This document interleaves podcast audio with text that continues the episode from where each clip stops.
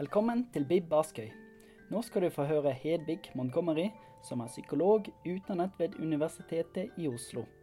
Hun holder en rekke kurs og foredrag for foreldre, lærere og annet personell om barn og utvikling. Hun er også forfatter, og er aktuell med bokserien Foreldremagi på totalt fem bøker. De skal ta for seg de ulike livsfasene i et barn- og ungdomsliv. Dette foredraget ble holdt i forbindelse med Askøy-konferansen 2020, der temaet var livsmestring. God fornøyelse.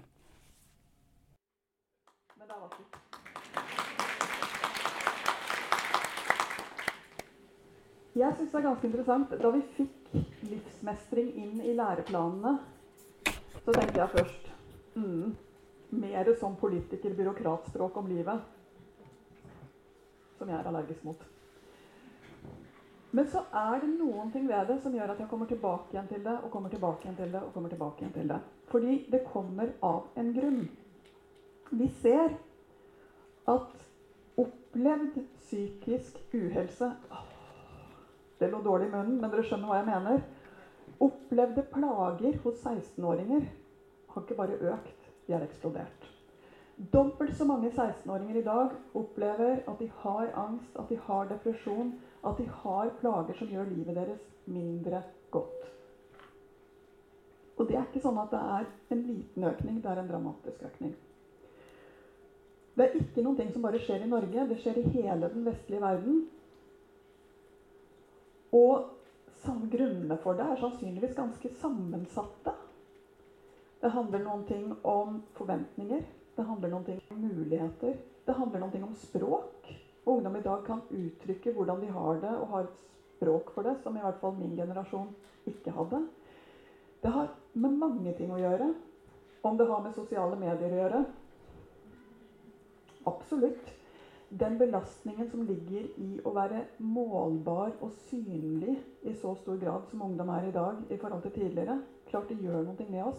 Men det har også noen ting med hvordan vi har møtt barn de siste årene å gjøre. For noen ting har vi gjort som ikke har virket.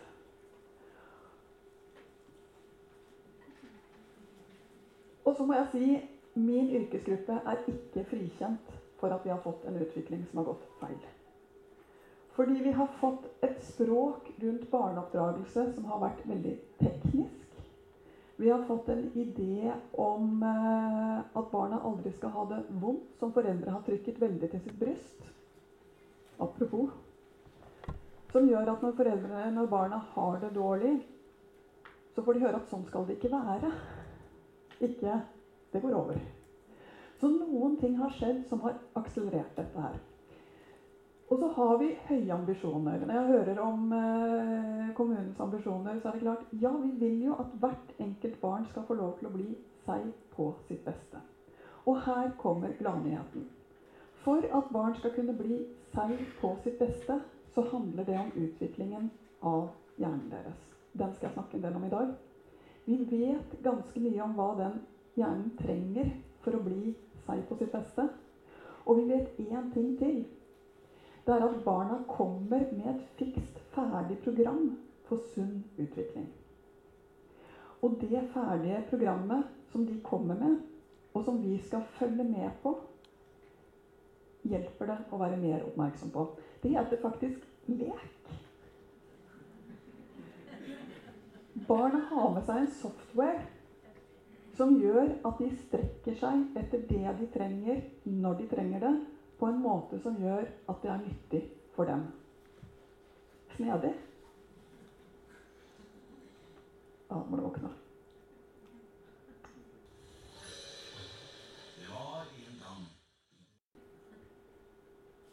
Det er ikke noe barneprogram som er så forskningsbasert, ikke noe TV-program som er så forskningsbasert som Drømmehagen.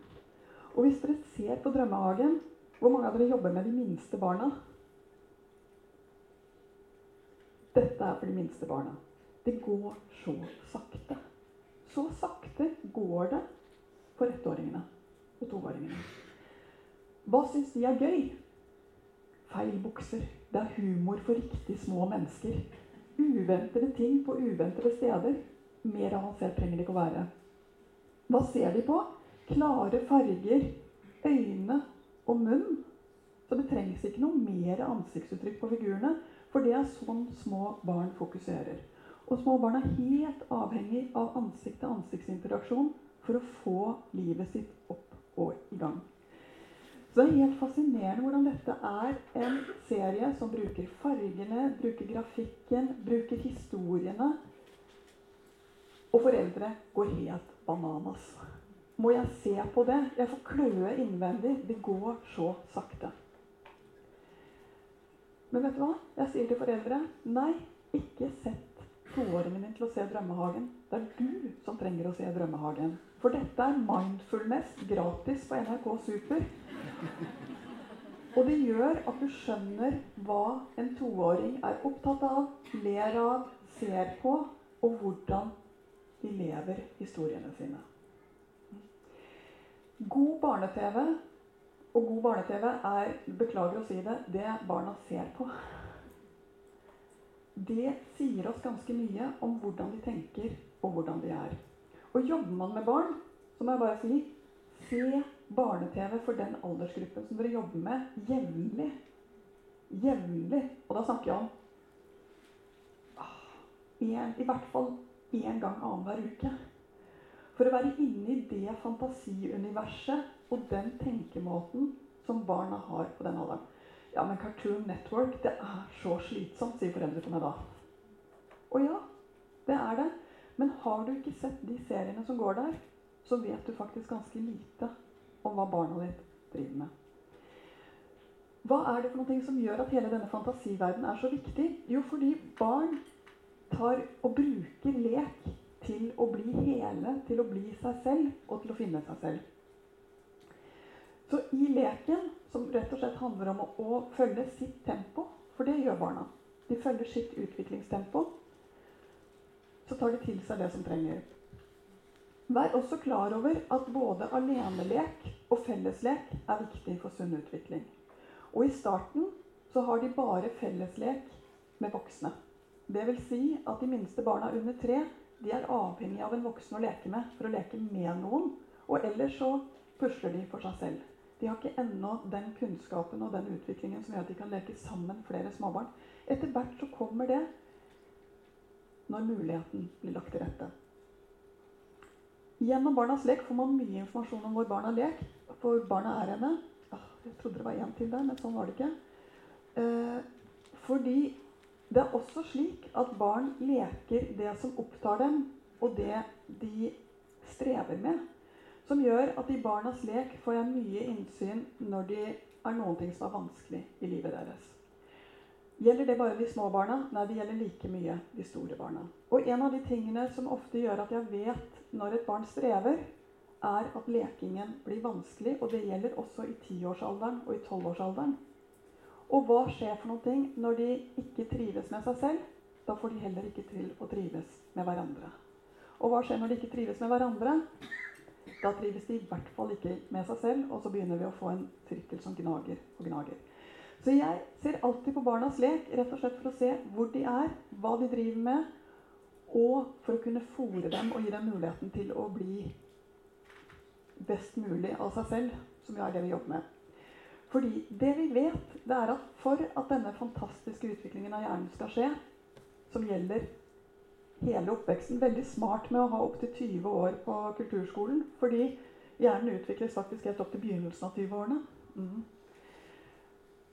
Det vi vet nå, og som vi får mer og mer innsyn i, i, rett og slett i takt med at vi får bedre forskningsmetoder på å se på barnehjernen i utvikling, det er at vi har hatt rett på noen områder, og vi har tatt feil på mange områder. Hjernen utvikles litt grovt sett nedenfra og opp og bakfra og forover. Hvor mange av dere barn selv? Det er godt produsert. En av de tingene som jeg synes har vært helt fascinerende når jeg har fått mine egne barn, det er at de kommer ut og er ferdig. Det er faktisk ganske corny at en dag så går du der med litt stor mage, og neste dag så er det et menneske til i verden. Eh, og så kan du spørre hva hadde jeg forventet? At jeg skulle få ut et, et eller annet sånn uferdig byggesett som jeg skulle skru sammen? Og på en måte så hadde jeg forventet det.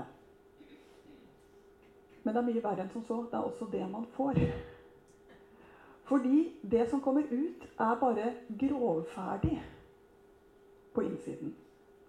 Det vil si at hjernen har alle hjerneceller, altså alle deler som skal til. Men oppkoblingen mellom cellene er ikke på plass. Og det barna bruker de første noen og tyve årene av livet sitt på, er å få til den oppkoblingen, sånn at de får en hjerne som fungerer så godt som det er mulig for dem å få det til. Det vil si at de første årene så handler veldig mye om eh, Nå har jeg skjønt at dette at det ringer inn eller ut, ikke sant? Mm. Det er bra. Veldig sympatisk innringing og utringing. Eh, det de første årene handler om, det er å få en form for kontroll på egen kropp. Etter hvert så kommer formen for kontroll over og blir balanse. Etter hvert blir balansen til muligheten til å danse. Det går fra å være i kommunikasjon, som de så vidt er i starten, til å ha muligheten til å snakke på ordentlig og uttrykke seg. Alt dette er utvikling som vi kan måle inni hjernen. Og i løpet av barnehageårene, litt grovt, så blir hver og en av hjernedelene utviklet, men kontakten mellom dem, selve oppkoblingen, er ganske dårlig. Det vil si at den der evnen til å håndtere sterke følelser den er dårlig på barnehagebarn. Har dere hatt en fireåring foran dere noen gang? Mm. Og det er ikke fordi de kommer fra dårlige hjem eller har dårlig oppdragelse. Det er rett og slett fordi det er teknisk umulig for dem å håndtere sterke følelser på egen hånd. Så det barna gjør når de er i sterk affekt, det er å se seg om etter en ferdig utviklet hjerne som de kan låne et lite øyeblikk. En voksen. For gjennom kontakt så klarer de å roe seg ned og finne ut hva de skal gjøre videre. Men de klarer det ikke selv. De klarer seg veldig dårlig selv. Hvor mange av dere har hatt en eh, fortvilet tiåring? Mm. Tiåringer er også en utrolig fascinerende fase, fordi de ser så ferdige ut. Og de virker så fornuftige, og de drømmer om å flytte hjemmefra og klare seg selv. Men når de har vært hjemme alene i 1 time og 5 minutter, så blir de plutselig kjemperedde og får skikkelig angst. Hva om noen ting skjer? Og de begynner å ringe. Skulle du komme hjem snart? Er det mat snart? Hva skjer? Fordi de har ikke ennå den kontakten oppi hjernen sin som gjør at de klarer å håndtere sin egen frykt noe særlig godt. Derimot har de en fantastisk evne til å tenke ut alt som kan gå galt. Så her har vi et veldig stort sprik i hvordan de ser ut på utsiden, og hvordan de ser ut på innsiden. Og så har vi tenåringene, dere. Det er helt forunderlig, for en av de tingene som blir mer og mer tydelig jo mer forskningsresultater vi får nå, det er at tenåringene har vi behandlet dårlig. Fordi vi har gjort den feilslutningen at når de ser ferdig ut på utsiden, så er de også ferdig på innsiden. Det er bare at de får en kvinnekropp og en mannekropp lenge før de har et hode som fungerer som en kvinne og en mann. Og det er ganske skummelt. Fordi vi blir ikke så fortvila over at treåringen ikke går i bru av aggresjon over å måtte ha på seg Sherrox når det regner, og hun hadde sett for seg paljettsko. På et eller annet vis så skjønner vi det. Men vi skjønner ikke så godt at også 14-åringen går helt i svart når han får dårlig resultat på en prøve som han ikke har lest til, men som han trodde han skulle gjøre det bra på. Du må jo skjønne at når du ikke leser, så går det sånn. Det må han faktisk ikke. Og noe av det som tar lang tid å koble seg på fordi hjernen utvikles bakfra og forover, det er det som sitter i frontallappen, som er de delene av hjernen hvor de virkelig finstemte planleggings- og vurderingsevnene sitter. Prospektiv hukommelse. Det er hukommelse for hva man skal gjøre i fremtiden. Skjønner dere hva jeg snakker om nå? Det er den der 'Hva skal jeg gjøre for noe i morgen?'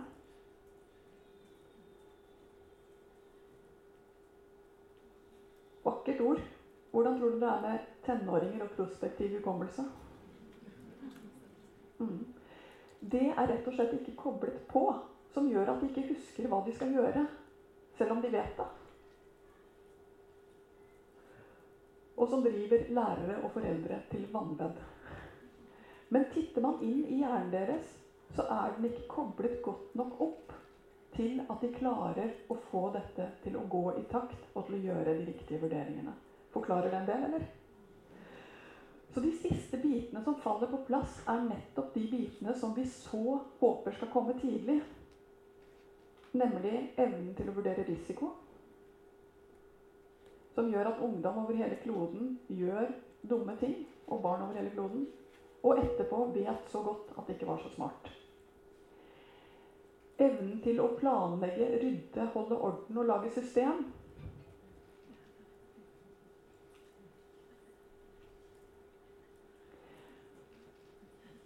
Min eldste er nå 26. Og jeg må si at uh, det har jo vært en interessant reise. Da han kom hjem den sommeren han skulle fylle 24, så kommer han inn i rommet, hilser på alle. Sier at han har lyst på en kopp te og spør om noen andre vil ha. Hører på svarene. Ser ut som han husker svarene. Går mot kjøkkenet, ser på veien en kopp som står og er skitten, tar den med seg, setter den inn i oppvaskmaskinen, kommer tilbake igjen med riktig antall kopper med te med og uten melk. Akkurat etter bestilling. Jeg holdt på dette av stolen. Jeg hadde aldri sett at den skulle komme. Jeg hadde liksom tenkt Ok, det går sikkert an å leve et fint liv.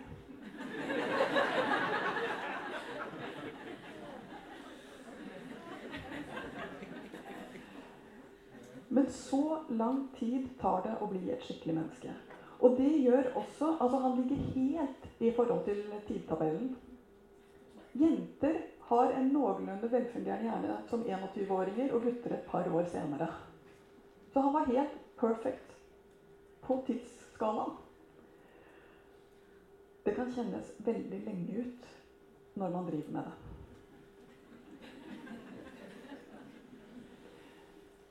Men det som er så fascinerende, det er for det første at mange kommer til meg og sier åh, jeg er blitt så redd for ting. Da er de ca. 24.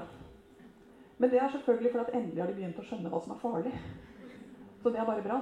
Men det andre det sier noe om, det er at for å få til denne nydelige utviklingen Og jo, forresten, én god nyhet til. Vet du hva, Det er én god nyhet til. Hjernen utvikler seg helt frem til vi dør. Hvis vi gir den mulighet for det. Det er bare at disse store tingene som gjør at vi fungerer godt i livet, er på plass på dette stadiet her. Men bedre mennesker kan vi faktisk bli hele veien til vi, for å sitere min tiåring, graves ned. Eh, så muligheten til utvikling er der hele tiden. Muligheten til reparasjon er der hele veien. Muligheten til å bli litt bedre er der også når man har kommet opp i den skremmende alderen som noen av oss i rommet er. Det er bra å vite. For mange spør meg er det for sent. Og svaret på det er mm -mm, det er ikke for sent. Men å få denne utviklingen til å bli best mulig i de årene som den er programmert for å skje, det lønner seg. Og for at den skal bli best mulig, så vet vi at det er to ting som er helt avgjørende. Det er trygghet. Fordi denne oppkoblingen skjer når barn føler seg trygge. Frykt gjør at oppkoblingen ikke skjer som den skal. Så det vil si at mye frykt, mye opplevelse av at, stedet, at det er et utrygt sted, vil føre til en dårligere utvikling. Det er grunnen til at det arbeidet vi gjør med familiene, virkelig betyr noe. Fordi barn trenger å kjenne trygghet for å få til den utviklingen. Det betyr også at det arbeidet vi gjør i barnehagen og i skolen med å få barna til å kjenne du hører til her. Du er med oss. Du er en del av Her kan du være sånn som du er. Alt det som vi bruker det ordet inkludering på, er viktig for at vi skal kunne lære det vi skal lære. Setter man en tiåring til å gjøre en matteprøve enten helt alene eller sammen med en de er skikkelig redd for, eller sammen med en som de er skikkelig trygg på, en god lærer eller mamma eller pappa, så vet vi resultatet så godt. De gjør det best når de sitter ved siden av en de er skikkelig trygge på. De gjør det helt greit, ganske dårlig når de sitter alene. Men de gjør det katastrofalt dårlig når de sitter ved siden av en de er redd for. Frykt blokkerer læring, frykt blokkerer utvikling. Det må vi ha veldig klart for oss i alle stadier hvor vi møter barn. Det andre barn trenger for å få den fine utviklingen, det er muligheten til å strekke seg. Det er det som heter stimulering. Men det må være stimulering til riktig tid. Eh, det er ikke så lenge siden jeg snakket med en eh, familie Veldig kort pause. Jeg eh, snakket med en familie som hadde fått et barn som hadde en sjelden genfeil.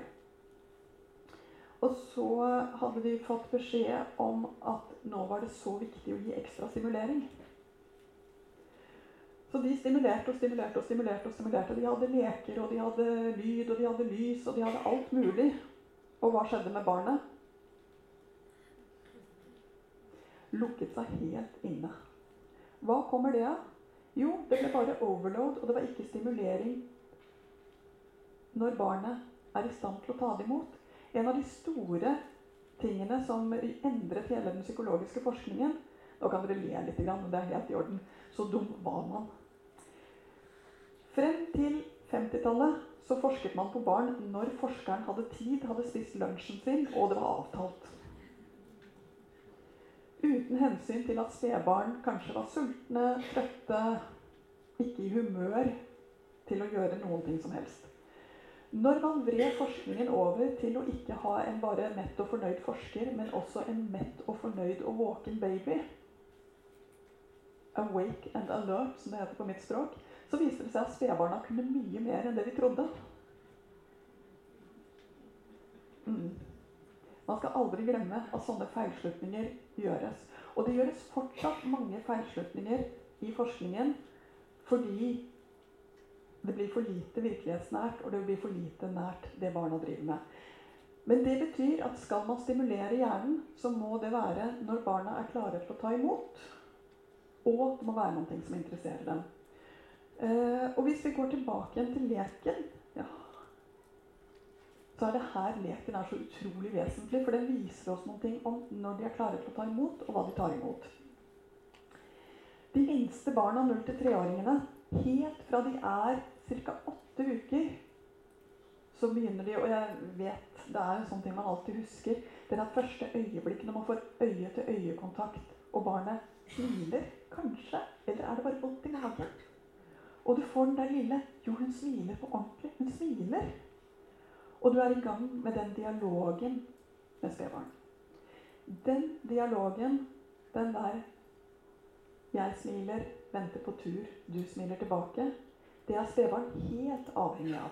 Og den lille stunden på stellebordet gjør at de strekker seg inn mot språket, mot det å være i en samtale.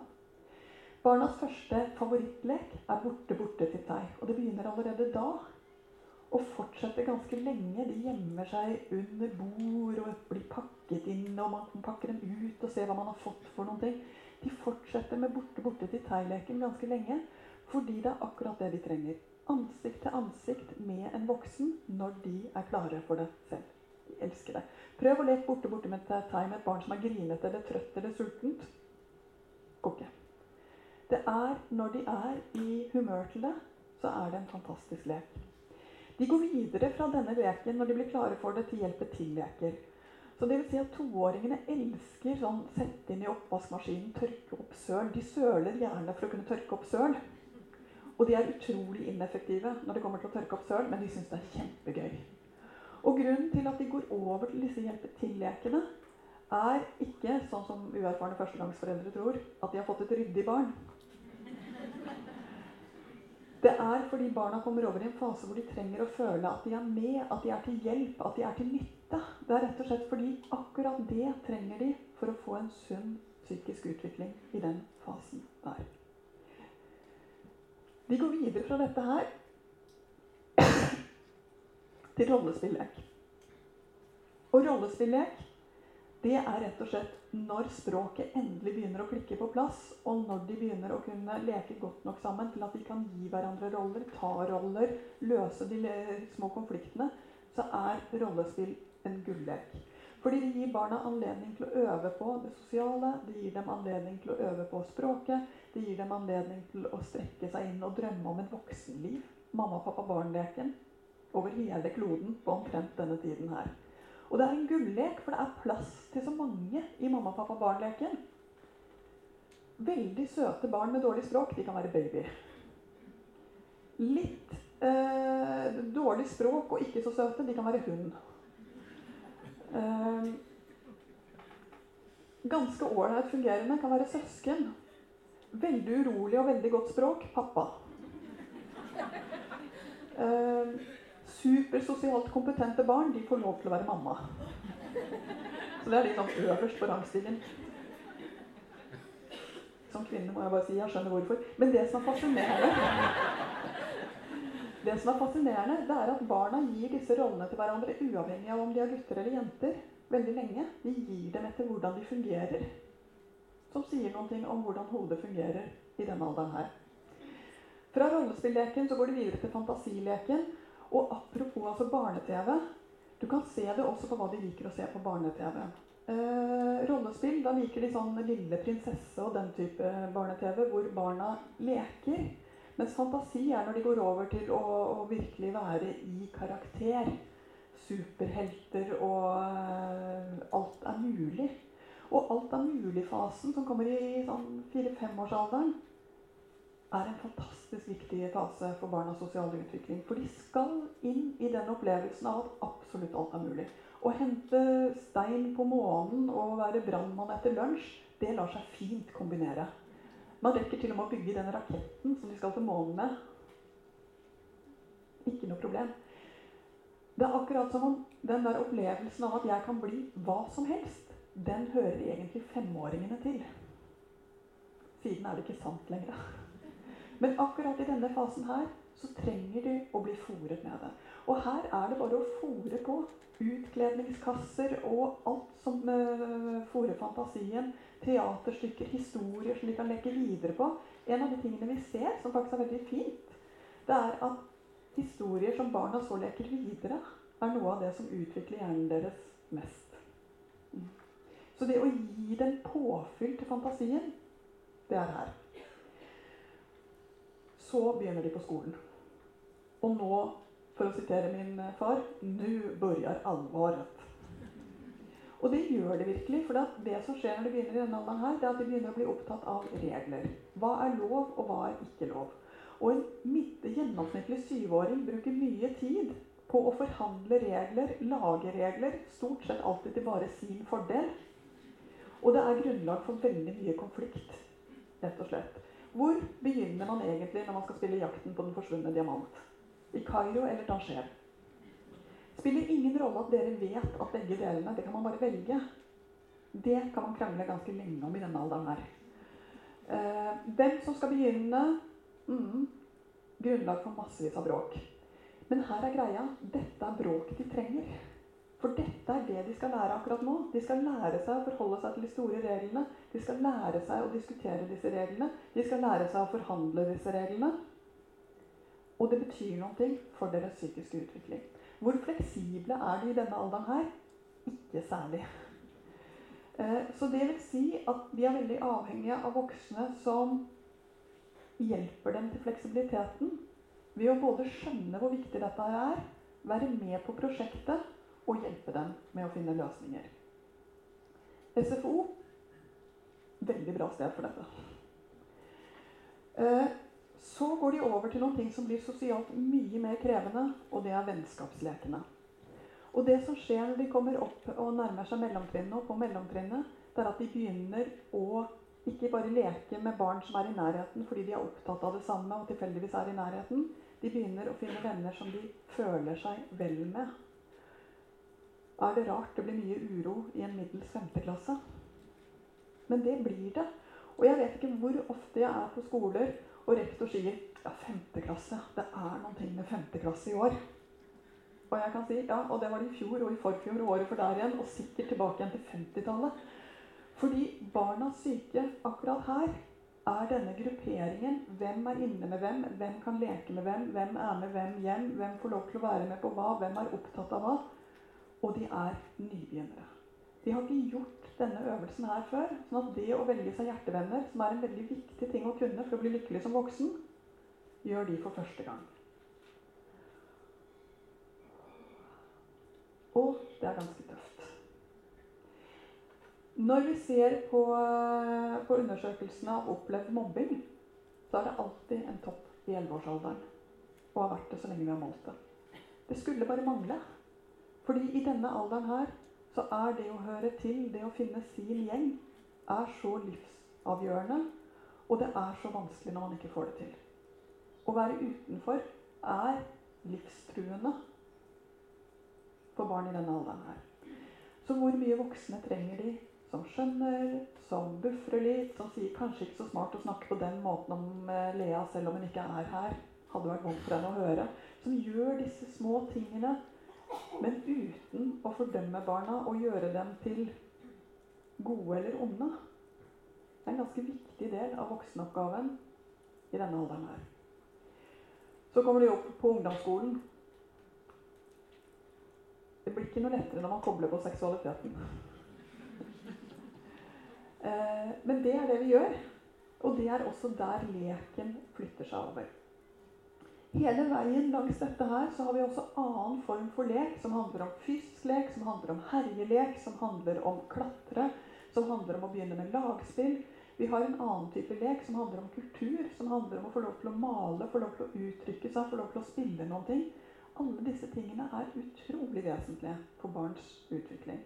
Å bruke kroppen og å få lov til å uttrykke seg gjør at vi får stadig mer og bedre funksjon på hjernen. Kulturskolen beste hjernebyggeren dere har, sannsynligvis. Fordi musikk gjør at hjernedelene begynner å snakke bedre med hverandre tidligere. Det rett og slett fører til denne integreringen sterkere. Fordi de både gjør noe fysisk, spiller et eller annet, Eh, stort sett, eller uttrykker seg gjennom stemmen sin og lærer seg å beherske og ser hvordan det vokser. Og I tillegg så er det én ting til som er veldig fin. Nå ble det litt reklame for det. Jeg må si at Vi har mye av det samme i idretten. Nemlig at det å øve gir deg noen ting. Du ser helt konkret hva det gjør for noen ting å prøve og feile. Og du gjør det under voksen veiledning. Ser du hvor fint det er? Og hvor mye av det barna søker, er faktisk ting de trenger for å få til den hjerneutviklingen de skal ha. Så første stoppested er rett og slett Barn har et program i seg. Vi må være mye mer oppmerksomme på hva de driver med, hva de vil. Og hvis dere jobber i en situasjon hvor dere prøver å lære barn noen ting, se på forskjellen når dere følger hva er det for noe barnet er opptatt av, og putter inn læringen i det barnet ser etter. Kontra hvis dere sier 'Nå har jeg laget et ferdig ark her som vi skal fylle ut'. Vet ikke hvor mange av dere som har prøvd. Men ferdige ark som skal fylles ut på min måte er mye tyngre å få til å fungere. Så oppmerksomheten på barnas lek, barnas interesse, hjelper oss til å være med dem og når vi er med dem, så får vi til det som er egentlig det jeg skal snakke om. Nemlig hvordan vi er til nytte for dem. Og for å være til nytte for dem, så skal dere bare vite én ting. Det vi snakker om nå, betyr veldig mye. Dere trenger, For å være til gode for barn, så trenger dere å vite en del ting om barn og barns utvikling. Hvordan de vokser, hva de trenger, hvor de er henne når. Fyll på. Men det andre som vi aldri skal glemme, det er at vi sitter jo her alle sammen og har med oss vår egen bakgrunn og vår egen oppvekst. Og noen har denne type oppvekster, og andre har denne type oppvekster. Noen har denne type personlighet, og andre har denne typen personlighet. Hvordan vi reagerer på barn, hvordan vi ser barn, påvirker mye hva vi får for noen ting. Og skal vi jobbe med barn, så er det helt forunderlig, men vi trenger faktisk å se litt på oss selv. Hva er det som gjør meg sint? Når er det jeg trøster? Når er det jeg syns barn sutrer? Og legg merke til hvor forskjellige vi er på dette her. Og hvor mye bedre det faktisk går an å bli i løpet av et yrkesliv. Det er optimistisk. Det siste jeg skal si, er at barna slik de er, betyr også ganske mye for hva de lærer. Og er du så heldig at dere treffer noen barn i jobb, så vet dere at noen barn er kjappe, verbale, søte, morsomme, lette å jobbe med. Andre er det ikke.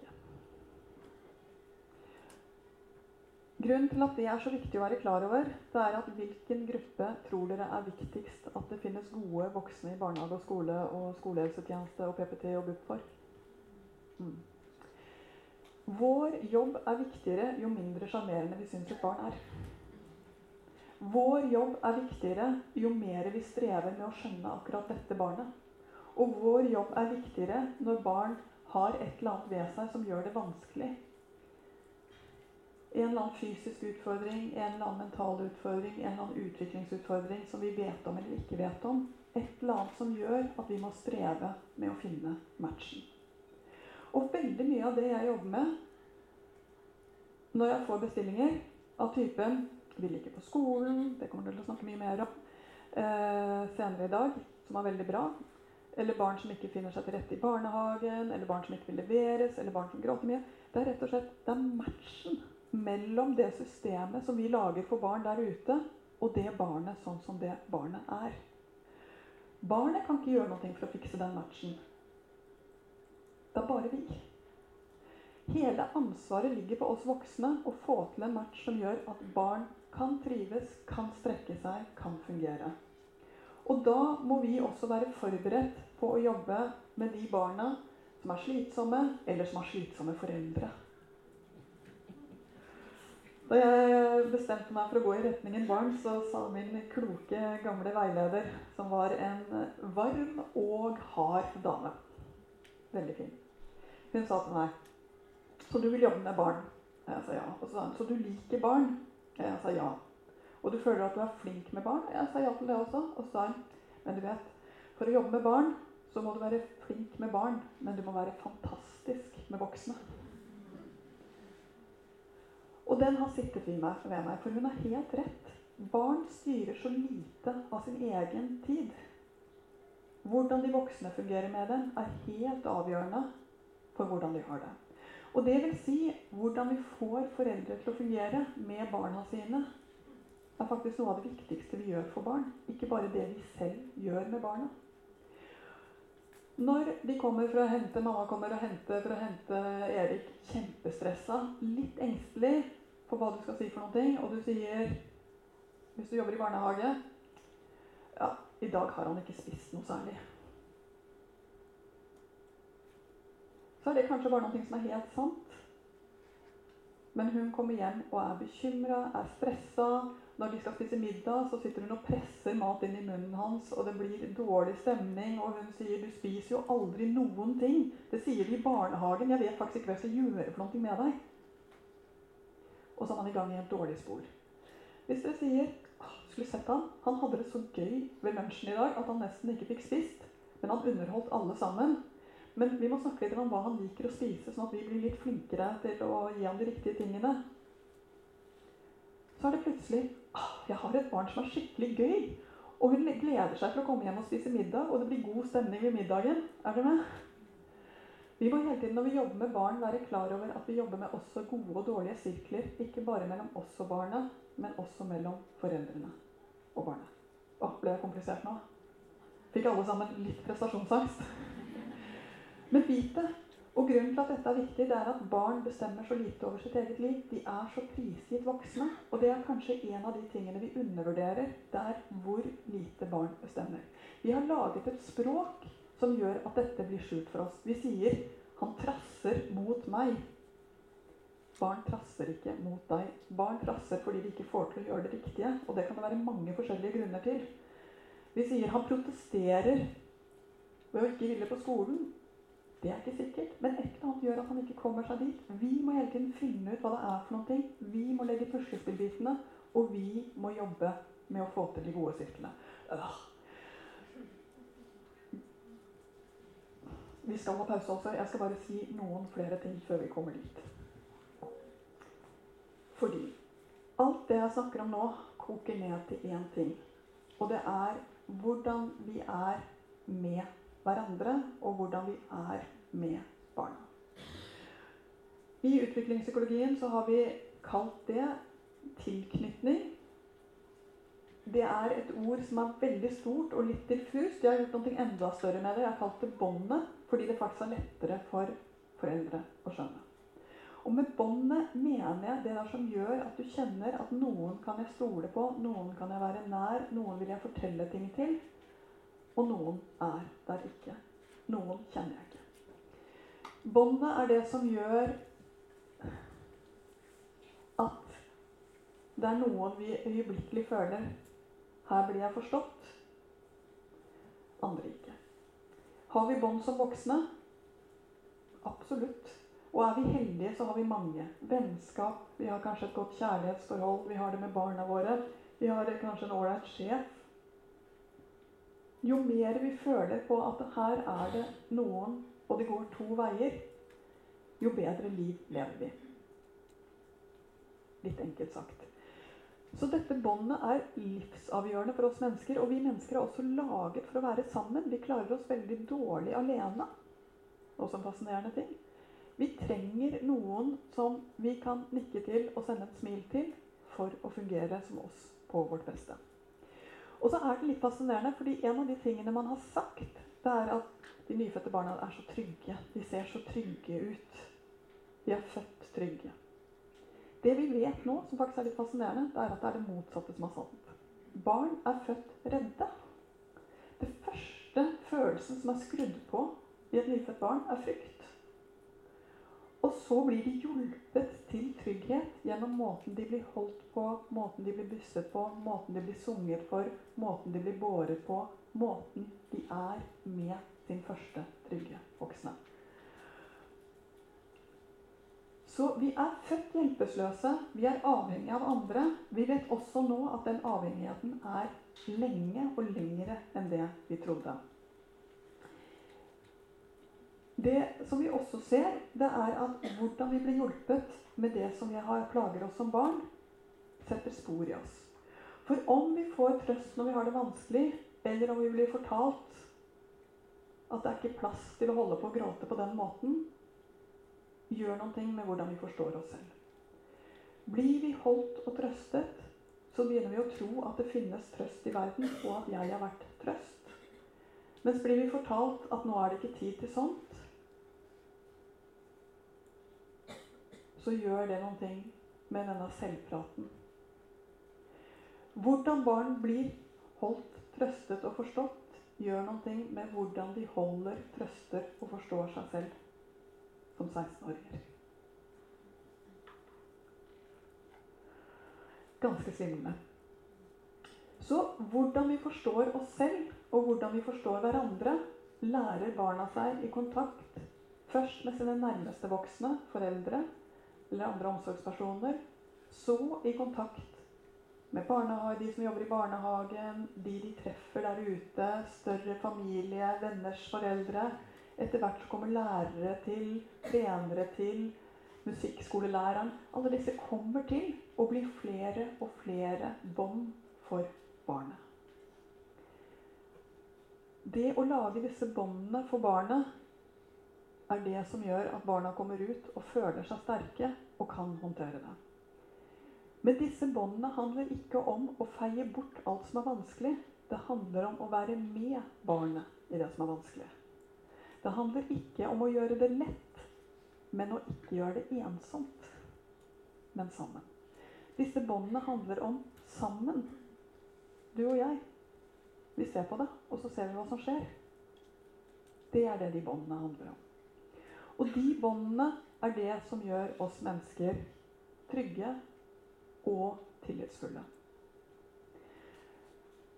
Jeg skriver eh, disse bøkene, og jeg må bare si jeg hadde ikke klart meg uten si noe om meg, kanskje. Sammen med en fantastisk mann som heter Eivind Sæter. Og da vi satt og jobbet med den første, så hadde vi sittet ganske Så hadde jeg vært igjennom dette noen ganger. Og så plutselig så la han ned blokka og så sa han Men nå har jeg lest dette, og jeg har skrevet det sånn at det har blitt enda bedre. Men jeg må spørre deg om en ting. Ikke si til ham at jeg sier dette, forresten. For det er helt personlig. Han sier til meg Kan man bli skadet av dårlige forhold i voksen alder? Og svaret er absolutt. Å være i dårlige kjærlighetsforhold Det er en grunn til at det er så vanskelig å gå inn i et godt kjærlighetsforhold etter at du har hatt det som gikk skikkelig gærent. Fordi det gjør noe med hvordan vi tenker på oss selv. Er jeg verdt kjærlighet? Finnes det kjærlighet for meg? Finnes, er jeg mulig å elske?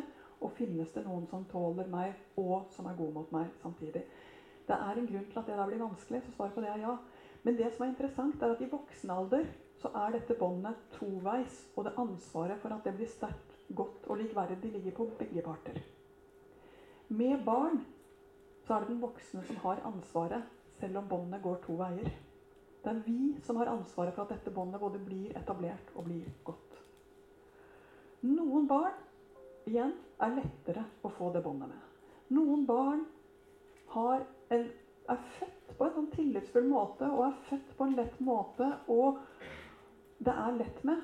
Andre barn strever vi av veldig mange forskjellige grunner veldig mye mer med. Og hvis man er så heldig at man har fått mer enn ett barn, så vil man finne ut at selv i samme familier, og selv om, eh, for å sitere en annen venn av meg, barna er laget med samme redskap Jeg har ikke levd så mye noen gang. Eh, så kommer de ut, og man kan ha fått ett barn som man øyeblikkelig kjenner igjen seg selv i, og som det liksom er lett å forstå. Og så kan man ha fått ett barn som man bare lurer på hvor var jeg henne da den befruktningen skjedde? Og ikke vet jeg for deres del, eh, men jeg vet for min egen del jeg har ganske god kontroll på befruktningsøyeblikkene. Jeg har ikke vært på Mars. Det har ikke vært en eller annen utenomjordisk menneske på, eh, utenomjording på besøk og sørget for at jeg har fått et barn som er så himla langt fra meg. Men jammen har jeg ikke fått det allikevel. Og noen barn er det fort å forstå. Andre barn bruker man tid på. Men enten man har fått et barn som man øyeblikkelig kan nikke til, og den der bondingen bare går sånn slurp, eller man har fått et barn som man jobber tid Hva er det egentlig som trøster ham? Hvordan, hvordan skal jeg hjelpe ham når han står fast? Jeg skjønner det ikke. Og du bruker tid på å knekke den koden.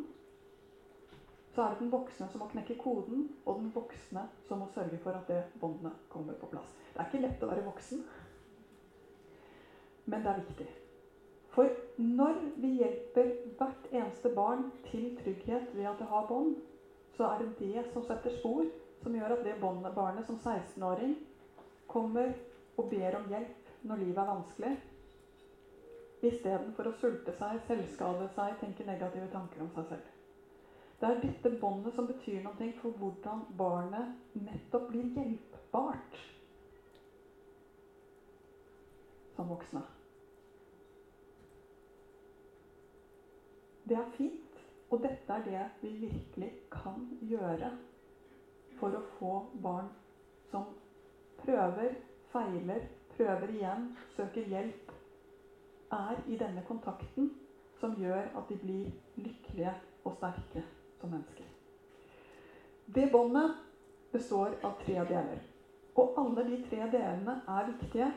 Og når vi er med barn, så er det dette vi må ha kontroll på. Den første delen er det at barn trenger å vite at det finnes et sted å komme til for trøst når livet er vanskelig. De er helt avhengig av å komme noe sted når de ikke får til, eller når de er lei seg. Så det vil si at veldig mye av den første tiden med små barn bruker vi av gode grunner på å holde, trøste, bære, roe ned fordi de har ikke et nervesystem som klarer å roe ned selv ennå. Og det er grunnen Jeg vet ikke hvordan det er med dere, men å høre en baby gråte er vi biologisk laget for at det kjennes ut som hjertet går i stykker. Vi er programmert som mennesker sånn at vi skal tåle barnegråt dårlig. Har dere oppdaget det, eller? Mm. Og det er der av en grunn. Fordi at det å tåle at barna gråter, gir ikke mening for de barna vi skal lage, som skal klare seg selv. Ja, men litt må de gråte, og det er helt sant. Men det er en veldig stor forskjell på at vi tåler at vi må bære dem litt, at vi holder dem på magen mens de ligger der i sengen og ikke helt finner roen. Vi, visst skal vi tåle den barnegråten som er i kontakt, men den fortvilte, ensomme, jeg føler meg helt forlatt-barnegråten, som er kvalitativt hjerteskjærende, er ment å være hjerteskjærende. Fordi den skal vi ikke tåle. Da skal vi gå og ta opp barnet. Selv om vi er slitne, selv om vi har sovet for lite osv.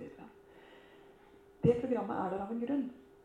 Når barna blir litt større, så trenger de fortsatt mye hjelp og trøst med ting som går gærent. De trenger hjelp når de er fortvilet som to og et halvt-åringer fordi de glemte igjen en pinne som de var blitt glad i på lekeplassen, og som nå fryser. For sånn er deres verden. Og det å da få lov til å eh, få den der armkroken og si 'jeg vet', men du, det er mange andre pinner der ute som passer på vår pinne. Det gjør at det går an å leve med det. Og når de blir ti år, og de er fortvila fordi froskehviskelæret er borte, så er det ikke noe trøst i å si 'froskehviskelæret er ingenting å gråte for'. Fordi det vet jo ikke dere. Kanskje det froskehviskelæret har vært i lomma på den jenta som han er forelsket i. Hvem vet? Kanskje er det et eller annet som gjør at det å si 'åh, ble det borte'? Eller kanskje er han redd for at en av dem som han er skikkelig redd for av de andre guttene, som han ikke liker, har tatt froskefisklæret og vært oppi sekken hans, og hva annet ligger oppi sekken hans? Kanskje en liten lapp hvor det står et lite navn på noen som han absolutt ikke vil at den uh, bølla skal ha lest. Det kan være så mange grunner til at det froskefisklæret får en tiårings liv til å rase. Og bli møtt med åh, så dumt. Og det er jo ikke så mye å gjøre akkurat nå. Vi kan lete etter det i morgen. Gjør at det går an å leve med at man ikke finner det i morgen. Og når den første kjærlighetssorgen kommer, så er det så forskjell på å si ja, men det skulle jo ikke bli han uansett. Han var jo altfor gammel, og tatoveringer hadde han også. Da blir hun forresten sammen med ham én gang. Mot å si jeg vet. Kjærlighetssorg er så vondt. Og jeg vet ikke om noen ting annet som hjelper enn iskrem. De trenger trøst hele oppveksten og egentlig hele livet. Men vi har mistet litt av syne dette trøste. Vi mister litt av syne dette trøsteperspektivet i møte med barn. Jeg ser at når er det barn føler at de har tilvendt i barnehagen? Jo, det er når de vet hvor de skal gå og få trøst. Når er det barn føler seg trygge på skolen? Jo, det er når de vet hvor de skal gå henne når det blir skummelt. Da er det trygt. Så å ha blikk på trøstedelen, hvor er det trygt å komme, og finnes det trygge steder å komme. Og så skal dere selvfølgelig vite det, at det er forskjellig å trøste i forskjellige aldre og forskjellige barn. Man må utvikle trøsteferdighetene sine. Den andre delen av båndet er å høre til. At det finnes et oss og en av grunnene til at barn alltid, alltid, alltid snakker godt om familien sin, uansett, det er fordi det er så viktig å ha et oss. Det finnes et sted hvor jeg hører til. Så programmert er de for det, og så alvorlig er det. Så det vil si at det å vise at det er plass for barn, gjør veldig mye med hvordan de føler det i situasjonen. Jeg er så heldig at jeg har et barn som uh, har vært nødt til å ta mange blodprøver. Har dere prøvd å ta blodprøver på små barn noen gang? Det er skikkelig, skikkelig, skikkelig, skikkelig terror. Uh, og det å forklare et, uh, en treåring at nei, selv om nålen er så lang, så skal den ikke gjennom armen din. Ikke gjennom hodet ditt heller, forresten. Bare så vidt inn og få litt Helt umulig. Så dette er jeg med. Jeg har også vært på diverse klinikker og tatt disse blodprøvene opp igjennom. En av de tingene som er helt påfallende, det er at kommer jeg til et venteværelse Og det finnes mange stusslige venteværelser i Helse-Norge, altså jeg må bare si det.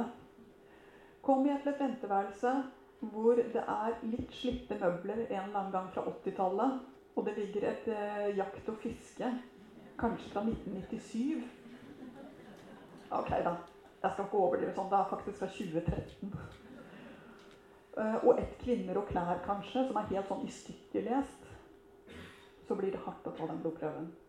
Men kommer jeg til et sted hvor det finnes tegnesaker med spissede blyanter, et lite stol og en liten bord, noen Donald-blader og et eller annet som viser at her har det vært barn før, så er det mye lettere å få tatt den blodprøven. Fordi signalet til barn er det er plass for sånne som deg her, og vi har møtt sånne som deg hos oss før. Det er så selvfølgelig når du først har skjønt det. Men å vise barna at det er plass for sånne som deg Du hører til hos oss. Det er grunnen til at barnehager, har, altså, lær av barnehagene de har utviklet dette her i fingerspissene. Det er grunnen til at det første man gjør når man tar imot nye barn, det er å vise at dette er plassen din. Dette er figuren din. Dette er fargen din. For på den måten så viser man også barnet nå er du en av oss. Sangene man synger sammen, måten man er sammen på, måten man hilser på barn på, alle disse tingene som viser du hører til. Og det betyr også at barn som av en eller annen grunn trenger mer bekreftelse på at nå er du en av oss, kanskje trenger de at det synges en sang på et språk som de får sunget nattasangen sin på, for å føle at her blir jeg forstått sånn som jeg er. Kanskje trenger de å spise mat som de tåler når de har en allergi, og alle kan spise det samme, i hvert fall én gang i året, gjør at det kjennes ut som et mye mer oss-sted. Så båndet består å lage denne følelsen av oss. Jobbe med familien sånn at de har en oss-følelse. Jobbe med de stedene hvor barna er, sånn at det blir en gruppe hvor alle har plass, og alle føler at de kan være med sin historie og seg. Den siste delen av båndet er den som jeg av og til tenker er så komplisert og så lett å misforstå, men så viktig. Fordi barn trenger å føle at de følelsene jeg har, går det an å leve med, og går det an å håndtere. Så når barna, treåringen, fireåringen, blir hentet i barnehagen, sitter ikke i vogn lenger, skal gå hjem Det kjennes kjempelangt ut å gå hjem. Og har dere prøvd å gå hjem etter en hel dag i, en lang, eh, i barnehagen med så korte ben, så skal dere vite at det er skikkelig, skikkelig, skikkelig langt. Og ja, for øvrig fascinerende. En av de tingene som eh, eh, jeg leste et ganske morsomt forskningsprosjekt på, det var at de hadde latt folk spille dataspill. Eh, og så hadde de fått utdelt avatarer, altså figur, uh, i dataspillet. Og de har spilt med sånn 3D og virtual reality-funksjon. Sånn at de er sine avatarer, de er sine figurer. Og de som har fått utdelt spreke, sterke avatarer, løper opp bratte bakker i spillet. Mens de som har fått utdelt tjukke, små avatarer Not so much de går rundt. Eller blir. Mennesket er veldig rasjonelt. Vi gjør vår vurdering om hva vi skal bruke kreftene på, ut ifra hvordan vi opplever oss selv. Og virkelig prøv det med små barn. Hvis dere har en fireåring og ser en bakke fra dette perspektivet, så vil dere se hvor bratt den er. Kontra når man ser den fra det der kjempeperspektivet som vi har, hvor bakken ser mye mindre bratt ut. Så en fireåring som syns det ser bratt ut å gå hjem, har sannsynligvis helt rett. Sett med fireåringsblikket. Og hvis de blir møtt med ah, 'Kjennes langt ut i dag'. Jeg vet. Det er sent nå. Men det er bare opp den bakken. Og så er det forbi den busken. Og så er det til høyre. Og så er vi der. Så er det plutselig en fireåring som er med. Men hvis du kommer av typen det er ingenting å sutre for. Herregud, sutring, det driver vi ikke med i vår familie. Fortalt, du er ikke en av oss. Tilhørigheten bare smuldrer opp. Så har du en fireåring, og det er helt forbløffende, for jeg vet ikke om dere husker tilbake til at dere selv hadde fireåringer, men de kan rett og slett gå i oppløsning sånn at alle beina blir myke. De kan ikke stå. De blir liksom sånne geléklumper. Og til og med det å bære en sånn fireåring er bare sånn å bære mange tonn. For nei, en fireåring som blir fortalt 'Ikke skjønner jeg at du kan føle som du føler det'. Det er helt urimelig, og sånn får du ikke lov til å gjøre. Vil ikke være i samarbeidsmodus. Og tenk på det hvis dere hadde kommet til sjefen deres og sagt 'Jeg vet jeg skulle vært ferdig med den rapporten', Jeg har bare ikke rukket det. Og nå må jeg gå hjem, for jeg er sulten unge hjemme. Og sjefen sier Det der skjønner jeg ingenting av. Jeg er alltid ferdig i tide. Og det spiller ingen rolle hvordan det ser ut i livet ditt. Akkurat nå skal den bare være her. Nå. Nå. Ja, men jeg er ikke ferdig. Ja, vet du hva? Det er ditt problem. Da er vi inne på hvordan veldig mange barn opplever seg behandlet av voksne. Men så er det interessante. Det finnes den motsatte. Nemlig de som har forlest seg på sånne bøker som psykologer har skrevet. Å, stakkars. Og du orker ikke å gå hjem. Og det er langt. Å, stakkars deg. Og jeg vet at det er langt. Å, det kjennes langt ut. Og du har korte, bitte små ben. Og det er langt å gå. Og stakkars liten deg. Å, det er langt å gå. Å ja, det er klart du er sliten. Jeg vet ikke hva du skal gjøre for noe. Det er kjempelangt hjem. Å, så langt. Ganske mange foreldre tror at det hjelper at de også blir fire år. Og det kan jeg bare love, det funker ikke. Fordi barna ser etter og forventer å møte noen som skjønner og kan hjelpe dem videre. De forventer ikke å treffe noen som ser på dem og så blir på samme måten. Så det er viktig å være klar over at dette handler om å skjønne at ah, i denne situasjonen går det faktisk an å ha det sånn. Og det går det an å leve videre med. Jeg vet om noen måter å leve med det på. Det er det vi snakker om med forståelse. Er dere med? Mm. Uh, det er ikke så kjempekomplisert. Uh, vi er sånn alle sammen. Følelser er mer eller mindre fornuftige. Og alle som har prøvd å gjøre noe de er skikkelig redd for, f.eks. fly når de har flyskrekk, slanke seg Alle disse tingene hvor du vet at jeg blir lurt av mine egne følelser, men fornuften skal vinne. Hvor ofte vinner fornuften? Så de kan være mer eller mindre fornuftige. Hos voksne og hos barn. Jeg er, og jeg vet at det ikke er farlig å fly. Jeg flyr faktisk uten å være noe særlig redd. Jeg er ikke redd for bier. Eh, jeg er ikke redd for høyder. Jeg er ganske modig, ikke sant? Men jeg er skikkelig redd for duer. Og jeg vet, altså hele meg vet at jeg ikke kommer til å dø i et dueangrep. Det vil si, hele den grå massen i hjernen min vet dette. Men hele midtjernen min, hvor følelsene mine sitter plassert, ikke noe på det. Jeg bor attpåtil på et sted med ganske mye duer. Og pleier å klare det ganske bra. Jeg tenker nå krysser jeg denne plassen. Her er det mange duer. Det gjør ingenting. Jeg har funnet en måte å krysse plassen med alle duene på.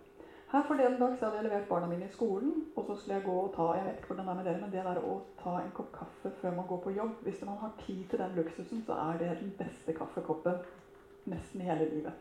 Så jeg skulle inn og ha den kaffekoppen. Åpner døren til en kafé hvor jeg er ganske ofte. Og idet jeg åpner døren Dere ser tegninga. Det har forvillet seg to duer inn i kafeen som hun som jobber i kafeen, skal skremme ut. Og bare vente på at noen skal åpne døren, sånn at hun kan få skremt dem ut. Er det, det er meg. Det er jeg som åpner den døren. Så disse duene kommer da mot meg.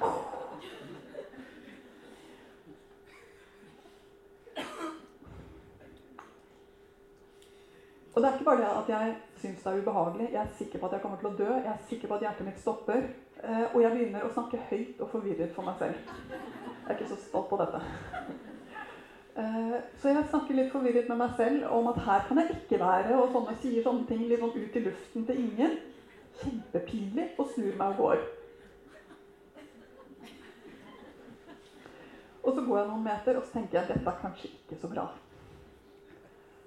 For hvem vet, Nå ringer hun kanskje til barnevernet og sier jeg har sett den damen her med barn mange ganger, men hun er åpenbart ikke i stand til å ta vare på barn. Altså, Hva vet jeg? Jeg får alle katastrofetanker. Kanskje ringer hun til akuttpsykiatrisk? Jeg vet ikke. Så jeg får da katastrofetanker om hva hun gjør etter min forvirrede opptreden i døråpningen. Så jeg gjør da den beslutningen. Jeg går tilbake igjen og drikker den kaffekoppen. Det er voksent, er det ikke voksent nå?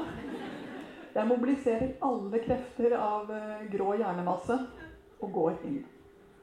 Og så sier hun Duer, det er jo ingenting å være redd for. Som om jeg ikke visste det.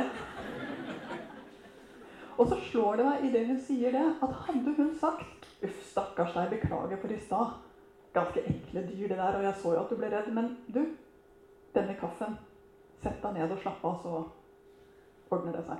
Da hadde jeg blitt værende der resten av dagen. Jeg hadde avlyst alle avtaler og kjøpt alt i hele disken. Fordi jeg hadde følt meg så forstått. Mens når hun sa 'duer', det er jo ingenting å være redd for,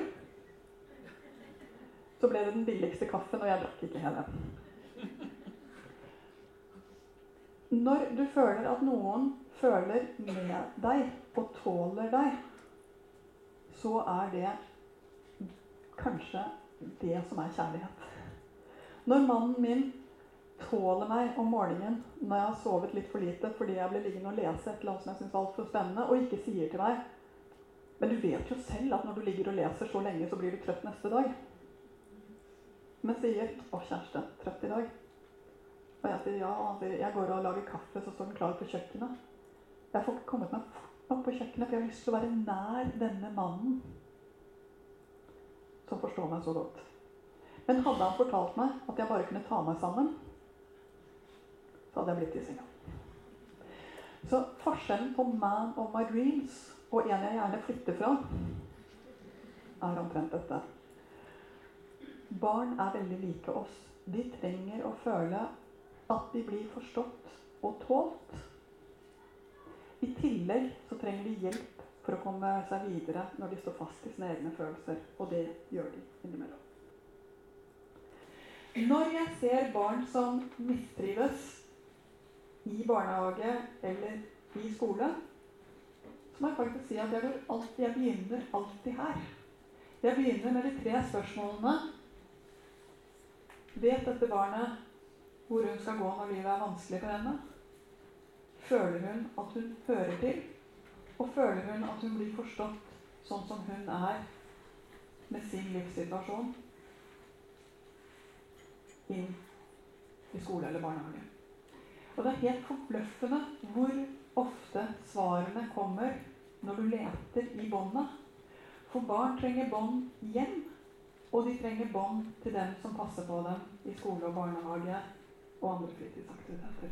Så veldig mye av svaret her ligger her. Og det er også grunnen til at når barn, barns historie blir litt glemt eh, En gutt jeg snakket med, som hadde det veldig, veldig vanskelig på skolen eh, Og ingen skjønte hvorfor, for han var en søt gutt. Han var en fin gutt. Eh, og elleve år, men alt hadde skåret seg for ham. Men når jeg snakker med ham, så viser det seg at en av de tingene som har skjedd i hans liv, er at hans mor døde for ganske mange år siden. Men det er blitt litt glemt, fordi livet er gått videre, syns de voksne. Pappa har fått ny kjæreste. Nå er de en familie som før. Det er bare at for ham er det ikke som før. Og når jeg snakker med læreren hans, så viser det seg at læreren vet ikke om denne historien i hans liv, som er så stor og så viktig for hvem han er. Så hans opplevelse av at han ikke passet inn, ikke hørte til, ikke var som de andre, handlet om at hans historie, som bare er helt sånn Sånn er det. Han har mistet moren sin.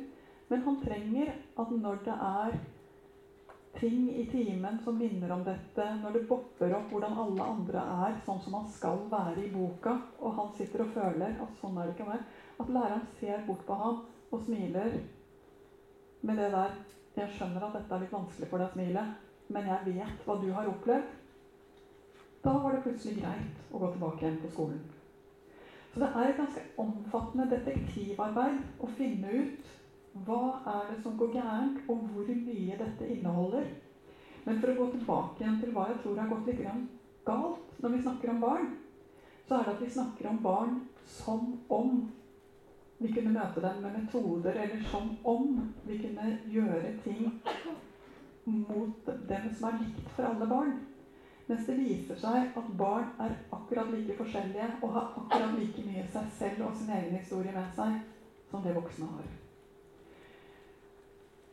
Og hvis vi hadde laget en arbeidsplass som ligner på det mange barn møter,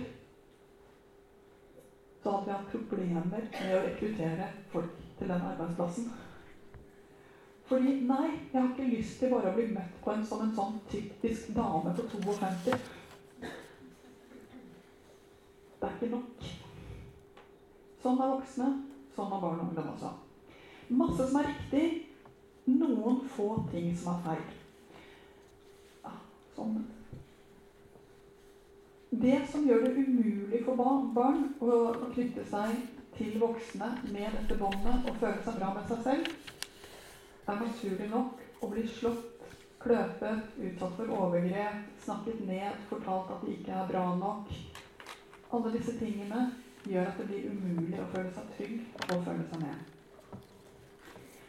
Hva betyr det i praksis? Ja, dette høres så enkelt ut i teorien. Det er bare at det er vanskelig i praksis. For hvor mye kan man kjefte på en elleveåring som igjen har glemt gymtøyet sitt? Når bikker man over?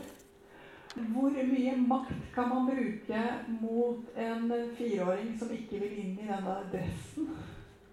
Hvor mye makt kan man bruke mot en toåring som ikke vil sitte i bilsetet sitt?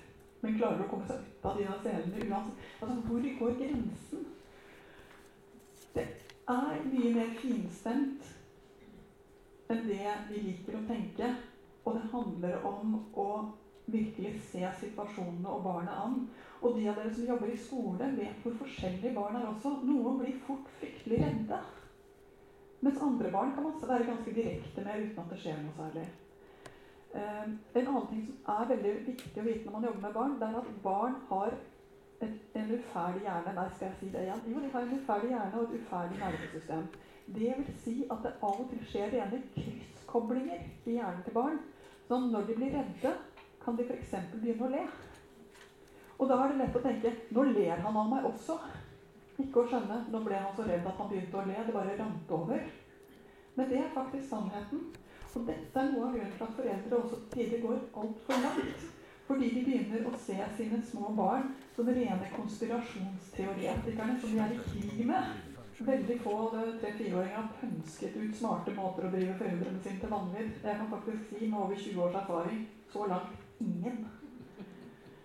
Men mange foreldre blir rene konspirasjonsseere i møte med barn. Og når de blir eldre, men nå må han jo skjønne at nå er han jo 14 år. Alle som har truffet mange 14-åringer, vet at det er en katastrofalt dårlig fungerende aldersgruppe.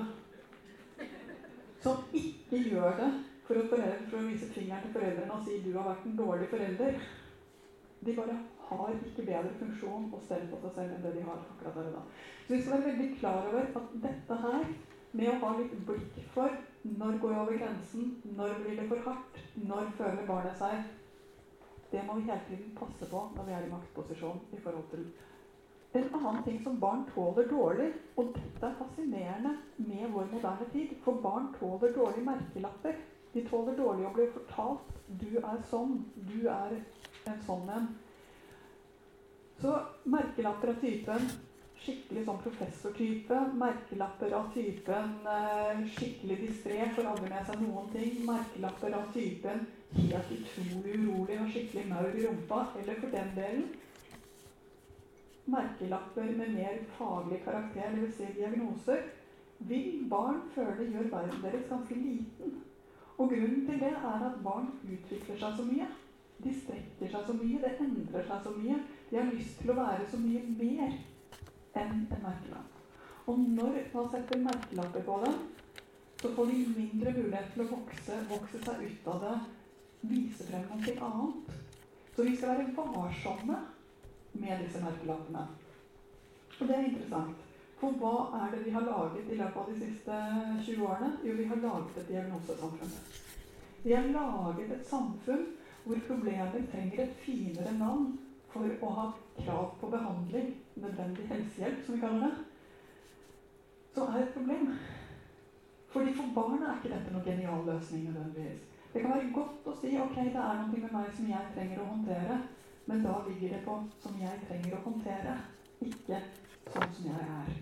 Vi må hele tiden jobbe med språket i forhold til barn. Passe på at det er plass til å vokse, plass til å utvikle seg, plass til å endre seg.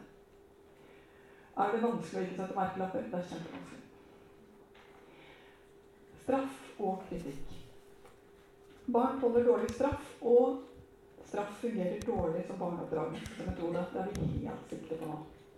Kritikk fungerer også dårlig, og spesielt i denne alderen, mellomalderen 9-10-11 år, hvor barna har så lyst til å være bra. De har så lyst til å være bra nok for de voksne, og de er så vare for det når de får høre at de ikke er det. Jeg, ja, det var I går så fikk jeg en henvendelse fra en mor som hadde et barn som hadde så problemer. For når hun irettesatte ham, så ble han helt gal, og allting ble mye verre. Så spør jeg men hvordan irettesetter du ham? Og så hører jeg når han forteller meg hvordan han irettesetter ham, at nei, hun irettesetter ham ikke, hun kritiserer ham. Og hvordan reagerer han når han blir kritisert? Sånn som barn på den alderen flest. Han føler at han har mistet ansikt og vet ikke hva han skal gjøre for noe når han står der uten verdighet. Da kan han like gjerne kaste all verdighet over bord og gjøre ting som er helt gærent. Interessant mekanisme. Og det jeg sa til henne du må bruke mye mindre bokstaver når du retter etter ham. Du trenger ikke å bruke capslock. Nei, han likte ikke fiskepinnene du serverte. Du trenger ikke å fortelle ham at han er helt umulig og aldri spiser sunn mat og kommer til å bli tjukk. Skjønner? Du kan si til ham ah, 'Dumt at ikke jeg har noe godt med fiskepinner i dag'. Det er et eller annet med å ikke gå så langt. Du har jo likt det før. Har det endret seg? Vær i samtalen, ikke gå til kritikken.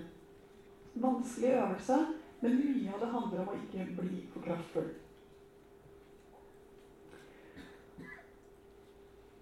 Barn trenger også å være mer enn det de gjør. Og veldig mye av det barn gjør, er viktig for dem. Og spesielt når vi kommer opp på mellomtrinnet, hvor de har en spesiell vindu hvor de kan bli mye flinkere til nesten hva som helst. Legg merke til at 10-11-12-åringer, gullalder, da har det en vekst som gjør at de kan bli flinkere til mye. Men fortsatt så er de ikke sin fotball eller er sine mattekunnskaper. De er fortsatt en person bak disse aktivitetene. I takt med at folk har fått mer tid til å ta vare på barna sine og være med barna sine, og mer penger til å bruke på dem også, så er vi blitt ganske opptatt av barnas aktiviteter, og av og til over på et nivå hvor det nesten blir ugunstig. Fordi de må fortsatt bare være sånn som de er. De trenger fortsatt tid til å henge, de trenger fortsatt tid til å finne ut andre ting som de ikke vet hva er ennå. Og veldig få barn viser seg å bli manager for Manchester United. De aller fleste barn viser seg å bli helt perfekte, middelmådige mennesker, akkurat som oss. Så det er viktig å holde igjen kontakten med barnet. Ikke bare at 'så flink du er', men også 'hva skjer'? Hvordan har du det? Hva mer?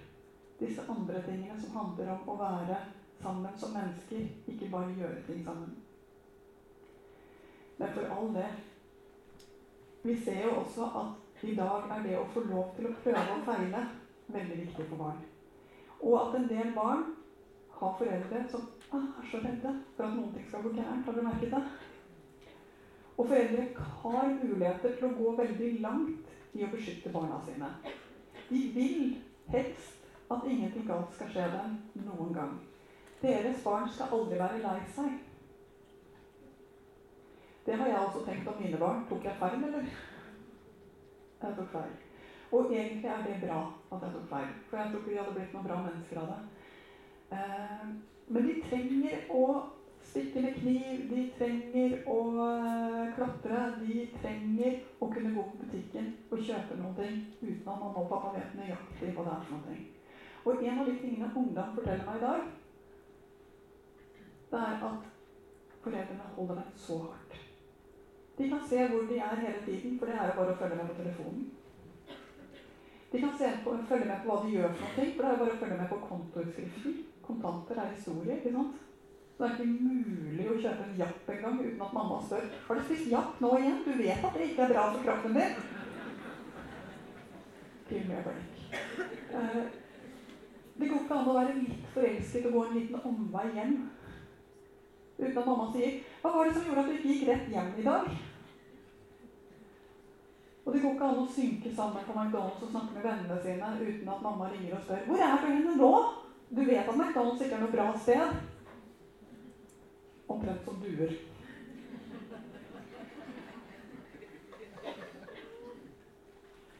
Ja, for av eh, min sønns uh, første kjærester lærte jeg meg at uh, det ikke er McDonald's, men Den gule måke. Så, så man sier ikke man går på McDonald's. Vi går på Den gule måke. Det høres mye finere ut. Helt til du begynner å tenke på bildet. Gul måke. Ja. um, vi må hjelpe hverandre som samfunn til å gi barna plass til å også være barn plass til å vokse, plass til å føle tillit og plass til å føle seg selv. Og når vi invaderer alle private rom som barna har, så får de ikke det rommet, og det er faktisk ganske alvorlig. Jeg var til slutt nødt til å lyve på alderen til min yngste for å få en Google-konto hvor jeg ikke automatisk ble lagt til som overvåker av alt uh, av telefonen hans, sånn at jeg til enhver tid kunne vite hvor han er. Og hvorfor er jeg opptatt av dette, bortsett fra at jeg mener at barn trenger privatliv? Jo, det er én ting til å høre på dette. En av de tingene som gjør at kriminaliteten ikke går ned når man får kameraovervåking Dette vet vi, for Storbritannia er verdens mest kameraovervåkede land. Fortsatt å bli lommebøker stjålet, og kriminalitet skjer. Hva kommer det av? Jo, for folk passer enda dårligere på lommebøkene sine når det står sånn skilt med at dette området er TV-overvåket, for da føler de seg trygge. Og så gjør de ikke de smarte tingene for å passe på pengene sine. Hva vet vi om deltakere på reality-TV, som jeg har jobbet med i mange år? Jo flere kameraer og jo mer passet på de blir, jo dummere ting gjør de. Det er sant. Blir det bra TV av det? Japp. Men er det sånn som de er? Nei. Det at man blir passa godt på, gjør at man slutter å tenke at man har ansvaret selv.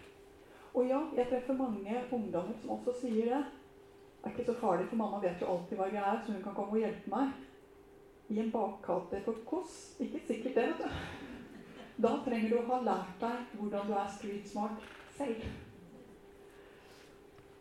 Så barn trenger å bli være i bånd, bli passet på, føle nærhet, føle tillit og føle trygghet. Men de trenger også å gradvis få lov til å prøve seg selv og finne sin egen vei. Skulle ønske det var litt lettere. Um, hvor vanskelig er dette? Det er ikke vanskeligere enn at Disney har beskrevet det ganske godt i den gode filmen 'Innsiden ut'. Uh, scenen her, for de av dere som ikke har sett det, er at det er en liten familie, en veldig liten familie, på tre. Jenter på sånn 11-12. Mamma og pappa. De har flyttet til andre siden av USA, fra det kalde, deilige nord, hvor hun har spilt ishockey og vært en av de skikkelig kule jentene, til langt sør, hvor det ikke fungerer på den måten. Hun har hatt første dag på en ny skole. Og jeg vet ikke hvordan dere var da dere noen gang begynte i en ny klasse da dere var barn. Men det kan jeg love, det er vanskelig. Du kommer inn, der sitter det en gruppe hvor du ikke kjenner ansiktet eller navnet på noen og så skal du bare fungere. Hun kommer fra denne første skoledagen, og mamma og pappa stiller det gode spørsmålet hvordan har det gått? So, how was the first day of school? It was fine, I guess. I don't know. Do you ever look at someone and wonder what is going on inside their head? Den er helt gull. Og den er typisk på så mange måter. Uh, en ting som er veldig tydelig her, det er hvor lite sikringsskap det er i barn og ungdoms hjerne. Det går så fort fra følelse og impuls til handling. I thought we said, you said we were going to act casual. Mm. Det kan ikke barn på den alderen. Det går så fort til fyr. Det går så fort til brann. Men det betyr jo ikke at de har kontroll. En annen ting som er så veldig nydelig med denne her, som jo er helt parodisk, men at man ser så mye på disrespectful roll her eyes, altså ser på disse ytre tingene, og ser så lite på hva skjer egentlig, hva handler det om? Hva er det i hennes liv som gjør at det spørsmålet ikke er så lett å svare på? Det går rett til hun har ikke respekt for meg. Som er i beste fall en kortslutning. Og mammaer som sitter og drømmer seg bort. Ja da, fort gjort. Men det var jo en grunn til at det ikke ble han helikopterduden også. Uh, hun sitter egentlig med en helt perfekt bra mann. Men de to spiller hverandre ikke noe gode i denne situasjonen heller. Der hvor hun bare skulle ha spurt ah, Skjønner at det ikke var så lett. Da. Kanskje aldri det. Men fortell. Så begynner hun å kaste ballen over til mannen sin istedenfor. Og stakkaren er helt off guard, som jeg skjønner. Så det er så mye i den situasjonen som er typisk, men også en ting som viser kanskje det beste med hele klippet. Det er jentas øye og ansiktsuttrykk når pappaen sier 'now go to your room'. Jeg vet ikke om dere la merke til øynene hennes da. Plutselig så er hun en veldig redd, veldig liten jente. Det kommer så brått på henne. Hun har ingen forståelse av denne situasjonen som bygger seg opp. Den går helt ut av kontroll for henne. Det å håndtere barnas akutte følelser er på mange måter det vanskeligste vi gjør som foreldre. Og det vanskeligste vi gjør i møte med barn som vi jobber med. Men én ting skal vi være klar over, og det er at enten det er ens egne barn eller det er andres barn, så er det lett å overvurdere at dette er så viktig hvordan du møter barns akutte følelser. Husk på at det å være med barn og det å oppdra barn handler om hele tiden, ikke bare om de øyeblikkene hvor ting har gått galt. Så en av de tingene jeg ser, både i skolesammenheng og i hjemmesammenheng, er at voksne har en tendens til å legge for mye vekt på de øyeblikkene hvor livet bare raser. Og livet bare raser av så mange grunner. Helt banale ting gjør at vi får dårlig kontroll over våre egne følelser, både som voksne og som barn.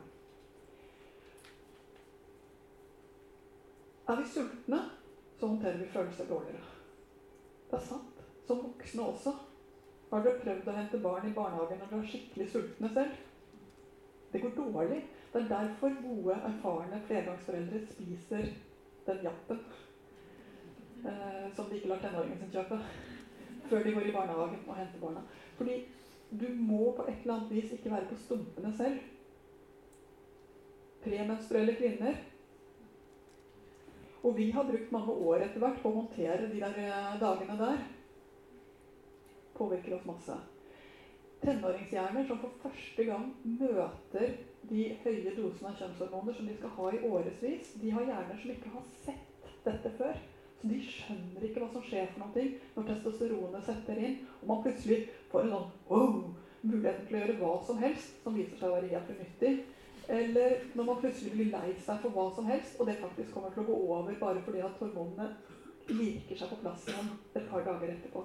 De har hjerner som ikke har sett dette her, så de vet ikke hvordan de skal håndtere det, og trenger tid for å lære seg å håndtere det. Sånn er det. Det gjør at man håndterer følelser dårlig. Eh, at man føler seg avvist. Har noen av dere vært sjalu noen gang? Sjalusi er en følelse som er så skambelagt, og grunnen til at den er så skambelagt, er at den får oss til å gjøre helt duste ting. Selv de mest fornuftige mennesker i godt voksen alder går inn og sjekker mobiltelefoner og følger etter i smug og, og driver med forhør av partneren sin. Og skammer seg litt for det etterpå, og med god grunn. Men det er fordi det er en sånn voldsomt sterk følelse som oppleves som så livstruende for oss å bli avvist at vi håndterer oss selv dårlig. Så det er massevis av ting som får oss til å håndtere følelser dårlig, som voksne og som barn. Barn har enda større problemer med å roe ned opprørte følelser, og det er en viktig ting å være klar over. Der hvor vi voksne kan hente frem en opplevelse av hvordan man roer ned, hvordan man håndterer det, hvordan man går videre, så er barn nybegynnere. Så hvis du er klar over at sånn er følelser Barn og nybegynnere de trenger hjelp til å lære det. Når barn står i affekt, enten de er 17 eller de er ett og et halvt. Barn i affekt er ikke det uten grunn. Deres følelser er akkurat like sanne som våre følelser. Og nå når jeg har fortalt om både duefrykten og sjalusien, så skjønner dere jo at alle følelser er ikke sanne, selv om de føles sanne. Det vet vi. Sånn er det for barn også. Så små barn er redde for monstre under senga. Selv om det til dags dato ikke har vært noe monster under senga. Store barn er redde for ikke å bli invitert på en fest. Og det føles som helt avgjørende å bli invitert på den festen. Og når de er usikre på om de er en av dem som kommer til å bli invitert eller ikke, så er det en, for dem, livstruende tilstand.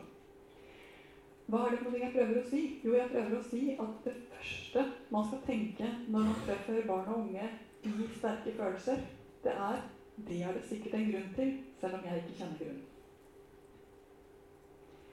Den grunnen kan være god eller dårlig. Det trenger dere akkurat nå ikke å ta stilling til.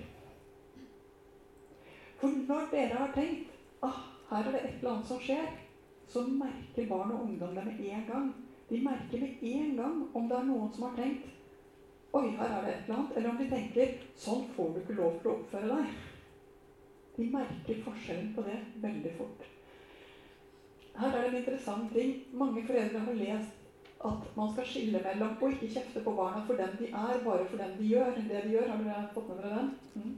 Sånn når f.eks. fireåringen ikke får til å tegne et hjerte, som kan være et ganske stort prosjekt for en fireåring, blir så frustrert at det bare raser inni ham fordi han har sett for seg hvordan det hjertet skulle bli, når han skulle gi det til mamma, og så blir det bare tull, så er det en ekstremt sterk sammensatt følelse. Frustrasjon er en sammensatt følelse som kommer ca. i fireårsalderen, og som er satt sammen av de to vidunderlige følelsene ønsket om å lykkes og sorgen over ikke å være der ennå. To ting. Hva gjør vår venn som skal tegne hjertene? Han blir rasende. Brekker fargestifter, velter stoler, tramper rundt, oppfører seg dårlig. Og så kan man da si til han du får ikke lov til å velte stoler.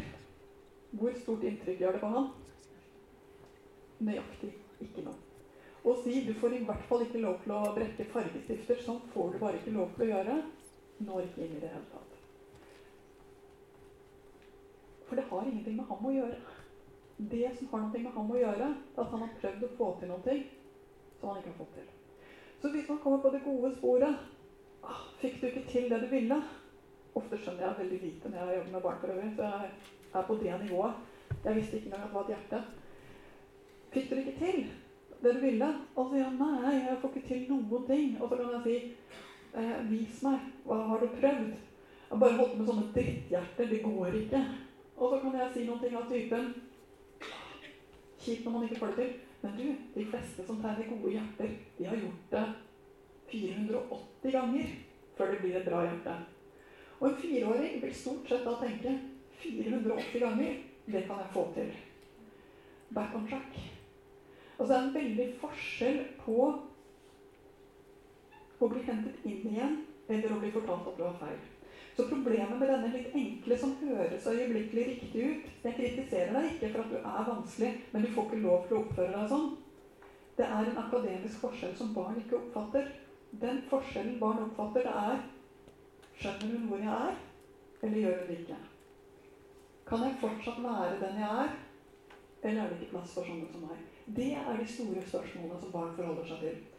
Så derfor er denne bitte lille Dette er det sikkert en grunn til, selv om jeg ikke skjønner hva det er. er en hjelp fordi det trekker ned tempoet. Og når jeg sier 'bekreft det du ser', så er det akkurat så banalt som dette. Ah, ble det ikke som du tenkte? Eller gikk det galt? Den type ord bruker jeg mye.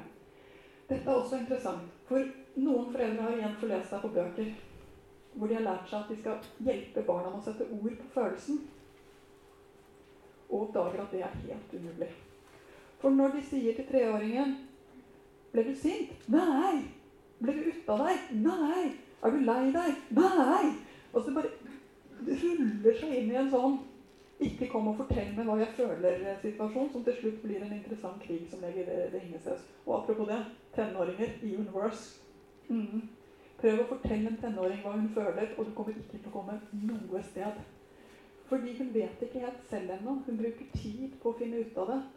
Det hun trenger nå, her og nå, er at noen ser at Oi, her er det et eller annet som skjer. Jo eldre barna blir, jo mer kan de snakke om det. Jo bedre barna blir når de føler at de har fått med connection, jo mer kan de fortelle.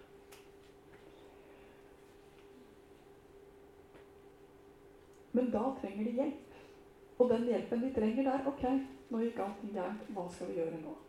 Og det er forskjell på å jobbe med en treåring som da trenger hjelp med at vi går og skreller gulrøtter istedenfor, og en 17-åring som trenger hjelp med at Jeg vet, men neste gang du skal ha en sånn prøve, hva tror du det er lurt å gjøre da? Som er en helt annen bevegelse.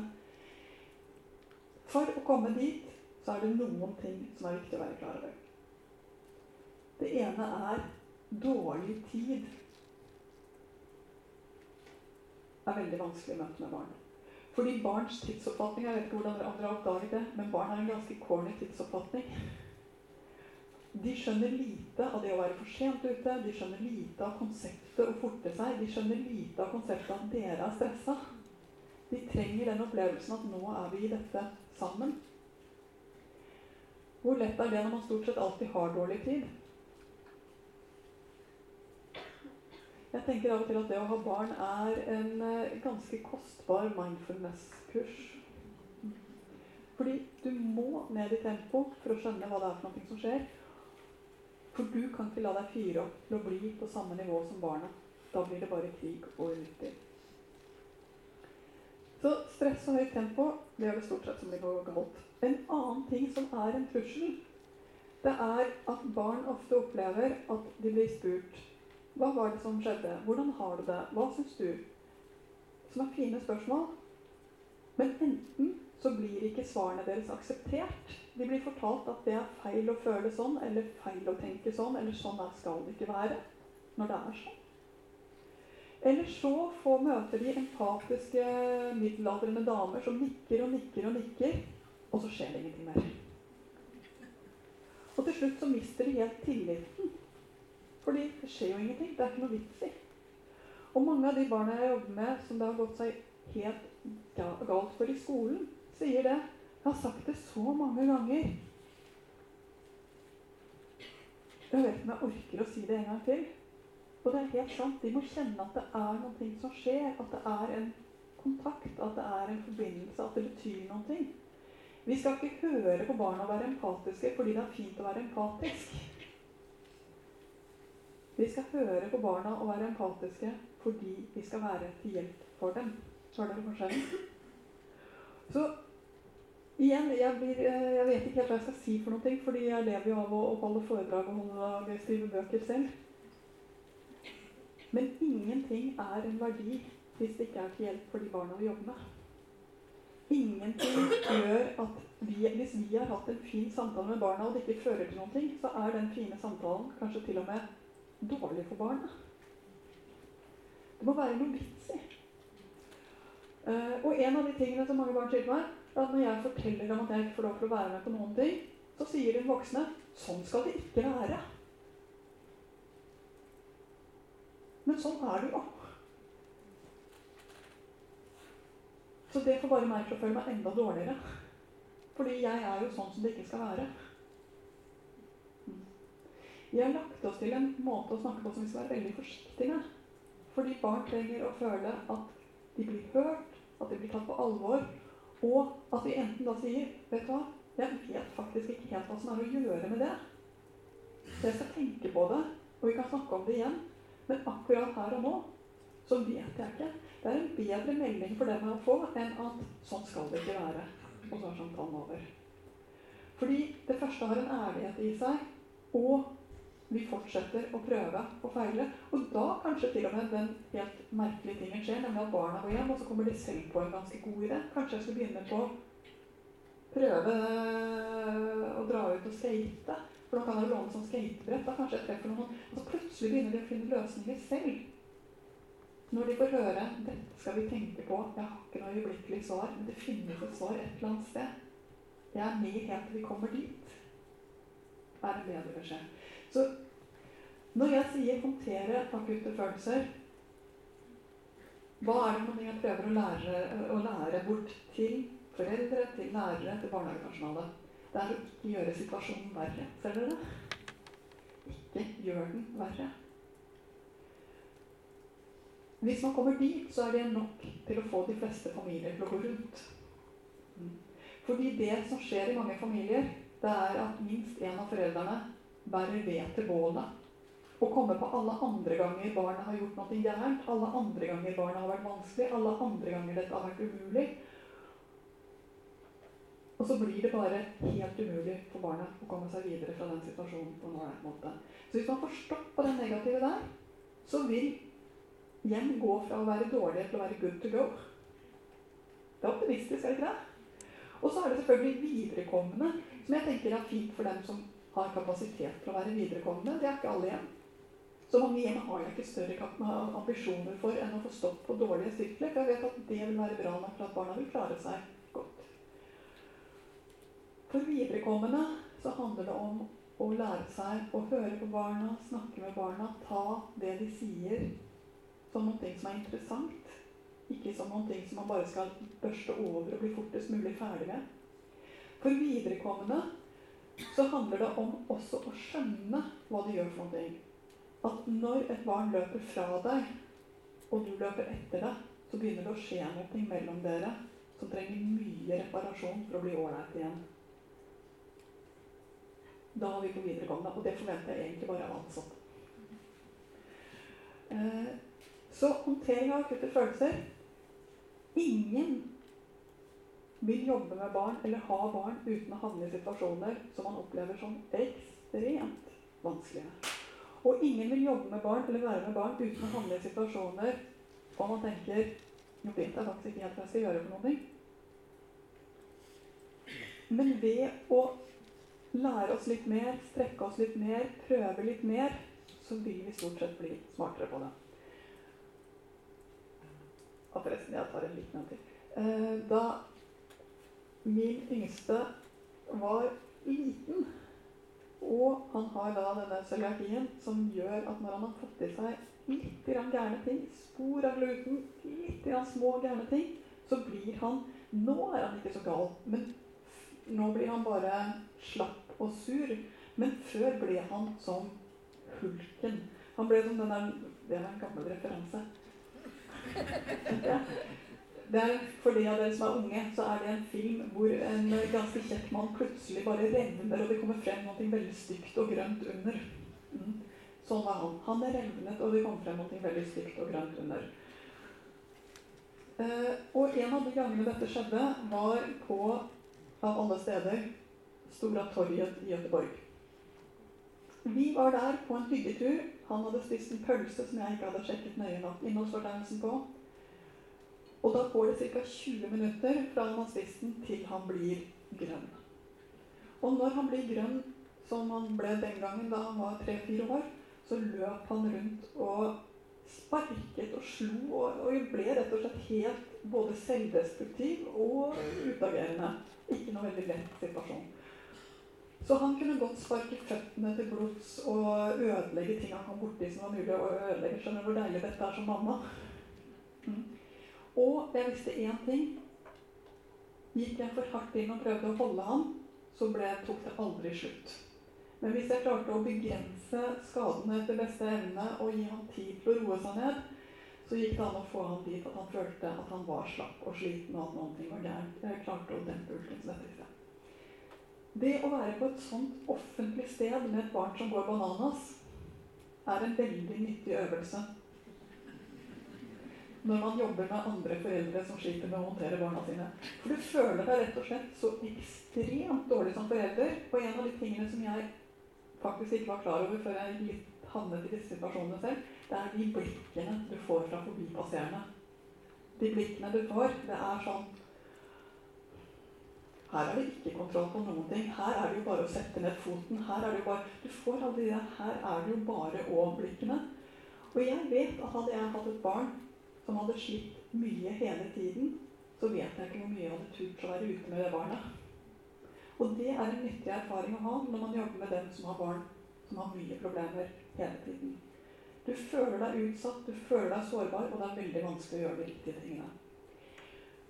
Å gjøre de riktige tingene når andre ser kritisk på deg, er nesten helt umulig. Og hvis de andre menneskene attpåtil er lærere, helsesøster, alle disse tingene her, så er det nesten helt umulig, og foreldre kan bli helt umulig dårlige.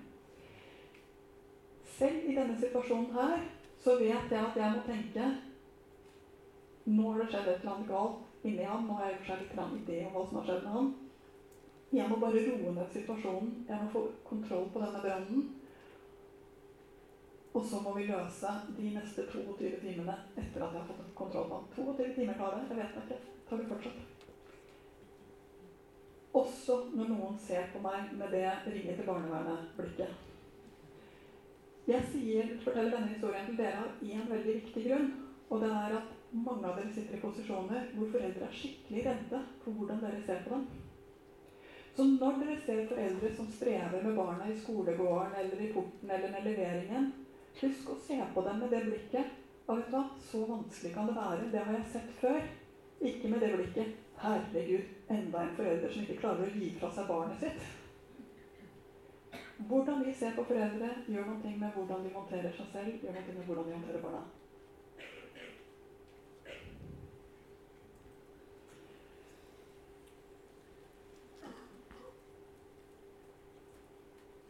Vi er tilbake igjen på livsmestringen. Det som er interessant med livsmestring, det er at livsmestring er å bygge mur. Livsmestring er alle de små steinene som gjør at barna får en solid grunnmur. Det er livsmestring. For meg, etter hvert som jeg jobber med det, så er livsmestring, bildet på livsmestring for meg, er at barna har en grunnmur som gjør at de føler at de står stødig også når det regner, også når det stormer, også når det er vanskelig. Alle som er med i barnas oppvekst, er med på å dytte steiner inn i denne muren. De kan i hvert fall gjøre det. De kan sørge for at det blir solid, trygt og godt murarbeid. Og det er fint å tenke på at enten man er helsesøster og treffer barna i forbindelse med at de skal ha en vaksine, eller det er at man er lærer og treffer dem når de skal strekke seg og lære seg nye ting, eller man er den første som tar dem imot i barnehagen når de skal være borte fra mamma og pappa for første gang. Alle er vi med på å bygge den grunnmuren, og alle sammen er vi med på å putte inn noe som kan være fint. Den første som jeg tror at vi som samfunn har glemt litt, er trøsten. Vi må huske på trøsten, og vi må huske på at barn trenger trøst for så veldig mange forskjellige ting i løpet av en oppvekst. Husker vi på trøsteaspektet, så har vi en helt annen forståelse når vi møter barn. Og ja, er de redde for å få den sprøyta, så trenger de at noen sier 'Jeg vet, det ser skummelt ut', og kanskje har du fått sprøyte før som har gjort skikkelig, skikkelig vondt. Men jeg har satt så mange sprøyter. Jeg er den kjappeste sprøytesprøytesetteren i hele kongeriket. Trøst er en viktig del, og trøst handler mye om å forstå. Å selv ha et aktivt språk for følelser hjelper barna til å ha et aktivt språk for følelser. Jeg har sagt at det ikke hjelper å fortelle barna hva de føler. Men derimot så hjelper det å lese om følelser, snakke om følelser, fortelle om sine egne følelser. Si at man er lei seg, si at man har blitt sinna. Si disse tingene som gjør at det er et språk som finnes tilgjengelig for barna.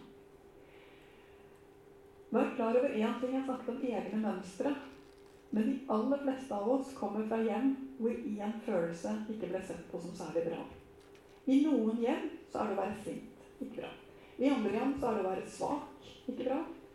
I andre hjem igjen så er det faktisk ikke bra å være altfor glad. For så gøy er det jo ikke. Eh,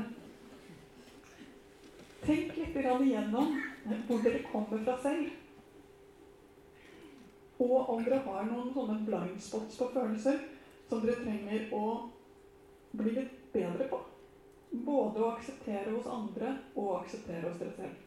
Oppsiden av denne øvelsen her er at dere garantert blir bedre og lykkeligere av det selv. Det er dagens hurtige hurtig egenterapitips. Fordi når vi får lov til å bruke alle følelsene, så blir vi faktisk bedre både mot oss selv og mot andre. Uh, barn trenger, og spesielt når de kommer opp og blir litt eldre, så trenger de å få lov til å kjenne at de lykkes. Jeg har sagt at det ikke bare er sine aktiviteter, men de er sine aktiviteter også. Sånn at det at de får lov til å kjenne at de strekker seg, kjenne at de bruker denne veksten i hjernen sin til å få til nye ting, prøve nye ting, strekke seg Og den der lykkerusen når man har fått til noe som man har jobbet med, den er faktisk en viktig lykkerus å gi barna for at de skal søke den der lykkerusen som ligger i å strekke seg og virkelig få til noe senere i livet. Så det å ha aktiviteter, ha muligheten til å prøve forskjellige ting, muligheten også til å se at barn er litt forskjellige på hva de har lyst til å prøve seg på, betyr veldig mye. Og der hadde vi igjen det at de kan få lov til å eh, låne sportsutstyr, prøve den type ting, det er virkelig et fint tiltak. Fordi det ikke det at sportsutstyr i selv, seg selv er så viktig, men det å få lov til å prøve seg og få lov til å få til noen ting, det er viktig.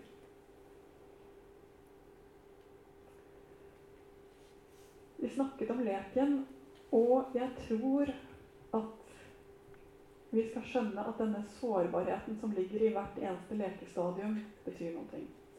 Hva er det jeg mener da? Jo, jeg mener at for de minste barna så er ansikt til ansikt helt nødvendig for at vi skal få den utviklingen de trenger. Den største trusselen mot barn ansikt til ansiktstid i dag Dere vet det, ikke sant? Mm. De ser bare baksiden på mobiltelefonen eller laptopen til foreldrene sine. Det er ikke det barn trenger for å få en optimal utvikling av hjernen sin. Så vi skal være klar over at Den første stadiet handler mye om å virkelig få til ansikt-til-ansiktstid.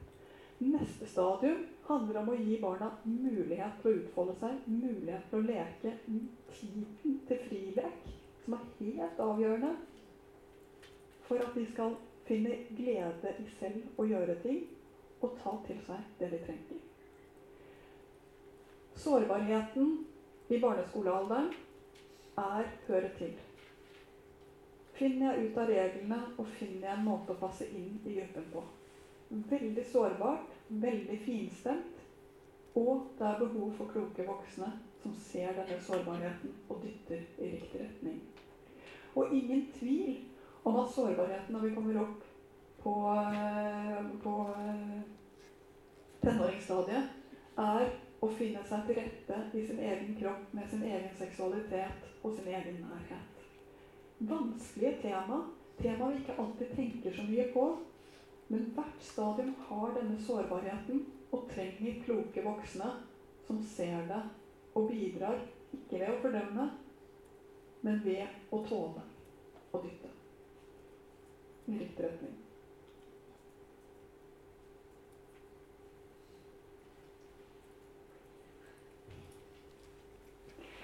Jeg pleier å si altså Hos oss på klinikken hos oss så har vi én regel. Det er ikke lov å prøve å få til noe terapeutisk med et barn før du vet hva det barnet ler av, og har ledd sammen med barna.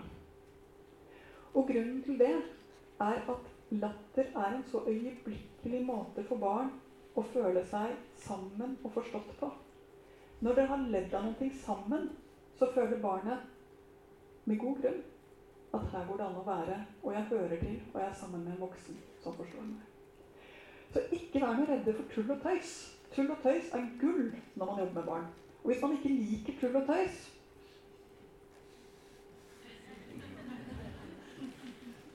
så bør man vurdere om det finnes andre steder å søke jobb. For for barn er tull og tøys rett og slett ventilen, reliefen, et sted å være. Og så er det den vesentlige tingen. Dere skal le sammen med barna, men aldri av barna. Det er kjempegøy med tiss og bæsj eh, som eh, i den alderen hvor det er gøy. Er det gøy? Ja, det er gøy. Eh, men det er ikke så innmari gøy at barnet har tatt på seg klærne feil og ser komisk ut. Det er bare noen ting å fikse opp i. Å ja, det var det som skjedde. Ok. Du, jeg tror faktisk det er bedre om du tar underbuksa på deg innenfor buksa, eller hva det er for noe. Så le med barna, ikke av barna. Og følg humorutviklingen deres. Ja, men de har jo så dårlig humor. Det er helt sant. Barns humor er ekstremt barnslig. Men hva jeg gjør for noe? Ja, altså jeg jukser. Jeg ber f.eks. de litt eldre barna om å vise meg hva de ser på YouTube, og som de syns er skikkelig gøy på YouTube. Ja, men hvor mange ganger kan man se folk som går rett ut i en fontene mens de ser på mobiltelefonen og le av det? Svaret er massevis. Det er kjempegøy. Man må bare legge sin egen raffinerte humor til fritiden.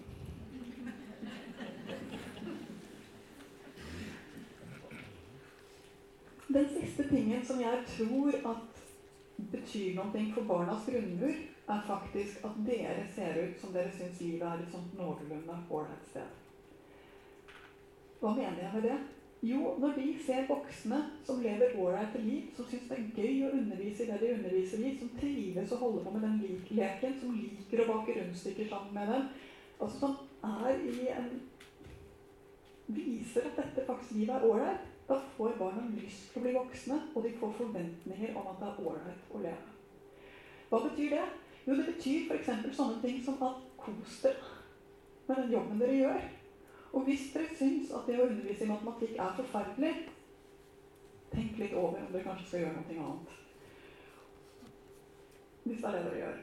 Eh, eller hva det nå kan være for noe. Det andre det betyr, det er at barn er svamper for konflikter på arbeidsplasser. Så hvis dere på avdelingen deres har en sånn som er omtrent som meg, nazi på hvordan man setter inn i oppvaskmaskinen Jeg vet det, men det plager meg så fryktelig når de andre har satt inn Ja, men jeg må skjerpe meg, for det er utrolig irriterende når en av de voksne driver og tar ut det de andre har satt inn i oppvaskmaskinen for å sette det inn riktig. Og det kan vi snakke om. Faktisk. Og vi kan finne ut at jeg sier 'sorry, det er ikke meningen', men når jeg er fryktelig stressa, så tåler jeg ikke å få feil fattig. Kan jeg få lov til å fikse på det bare når jeg er veldig stressa, og ellers skal jeg tåle det? Det er f.eks. en løsning. Det vil si god ledelse, det at dere som personale trives sammen, løser problemer, vet litt om hverandre, smiler til dem som er slitne, hjelper hverandre når dere står fast, det betyr noe på barnas grunnmur. Faktisk, når man jobber med barn, så er det å ta vare på seg selv en del av jobben. Ser du overkommelig ut? Vi bygger barnas grunnmur ved å leve liv sammen med dem, som både tar vare på oss og på dem. Og så vil jeg at dere skal huske én eneste ting. Hvis dere nå bare skal huske én ting. Og det er denne.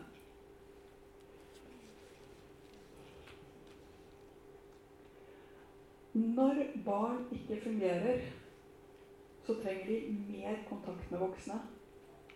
Ikke å bli utvist, utestengt, fortalt at de har feil. Når barn har det vanskelig, så trenger de at vi tar ansvar for båndet mer enn noen gang. Så når barn sliter, så viser de ofte det ved å bli feil. Ikke gjøre det som forventes av dem. Da trenger de mer forståelse, ikke mindre forståelse mer kontakt og detektivarbeid, ikke mindre. Det er hardt, men det er det som virker. Mitt hurtigtips til dere er, når unger ikke fungerer, uavhengig av alder, gå tilbake igjen og se hva er det i båndet som ikke er på plass. Hva er det vi ikke har skjønt?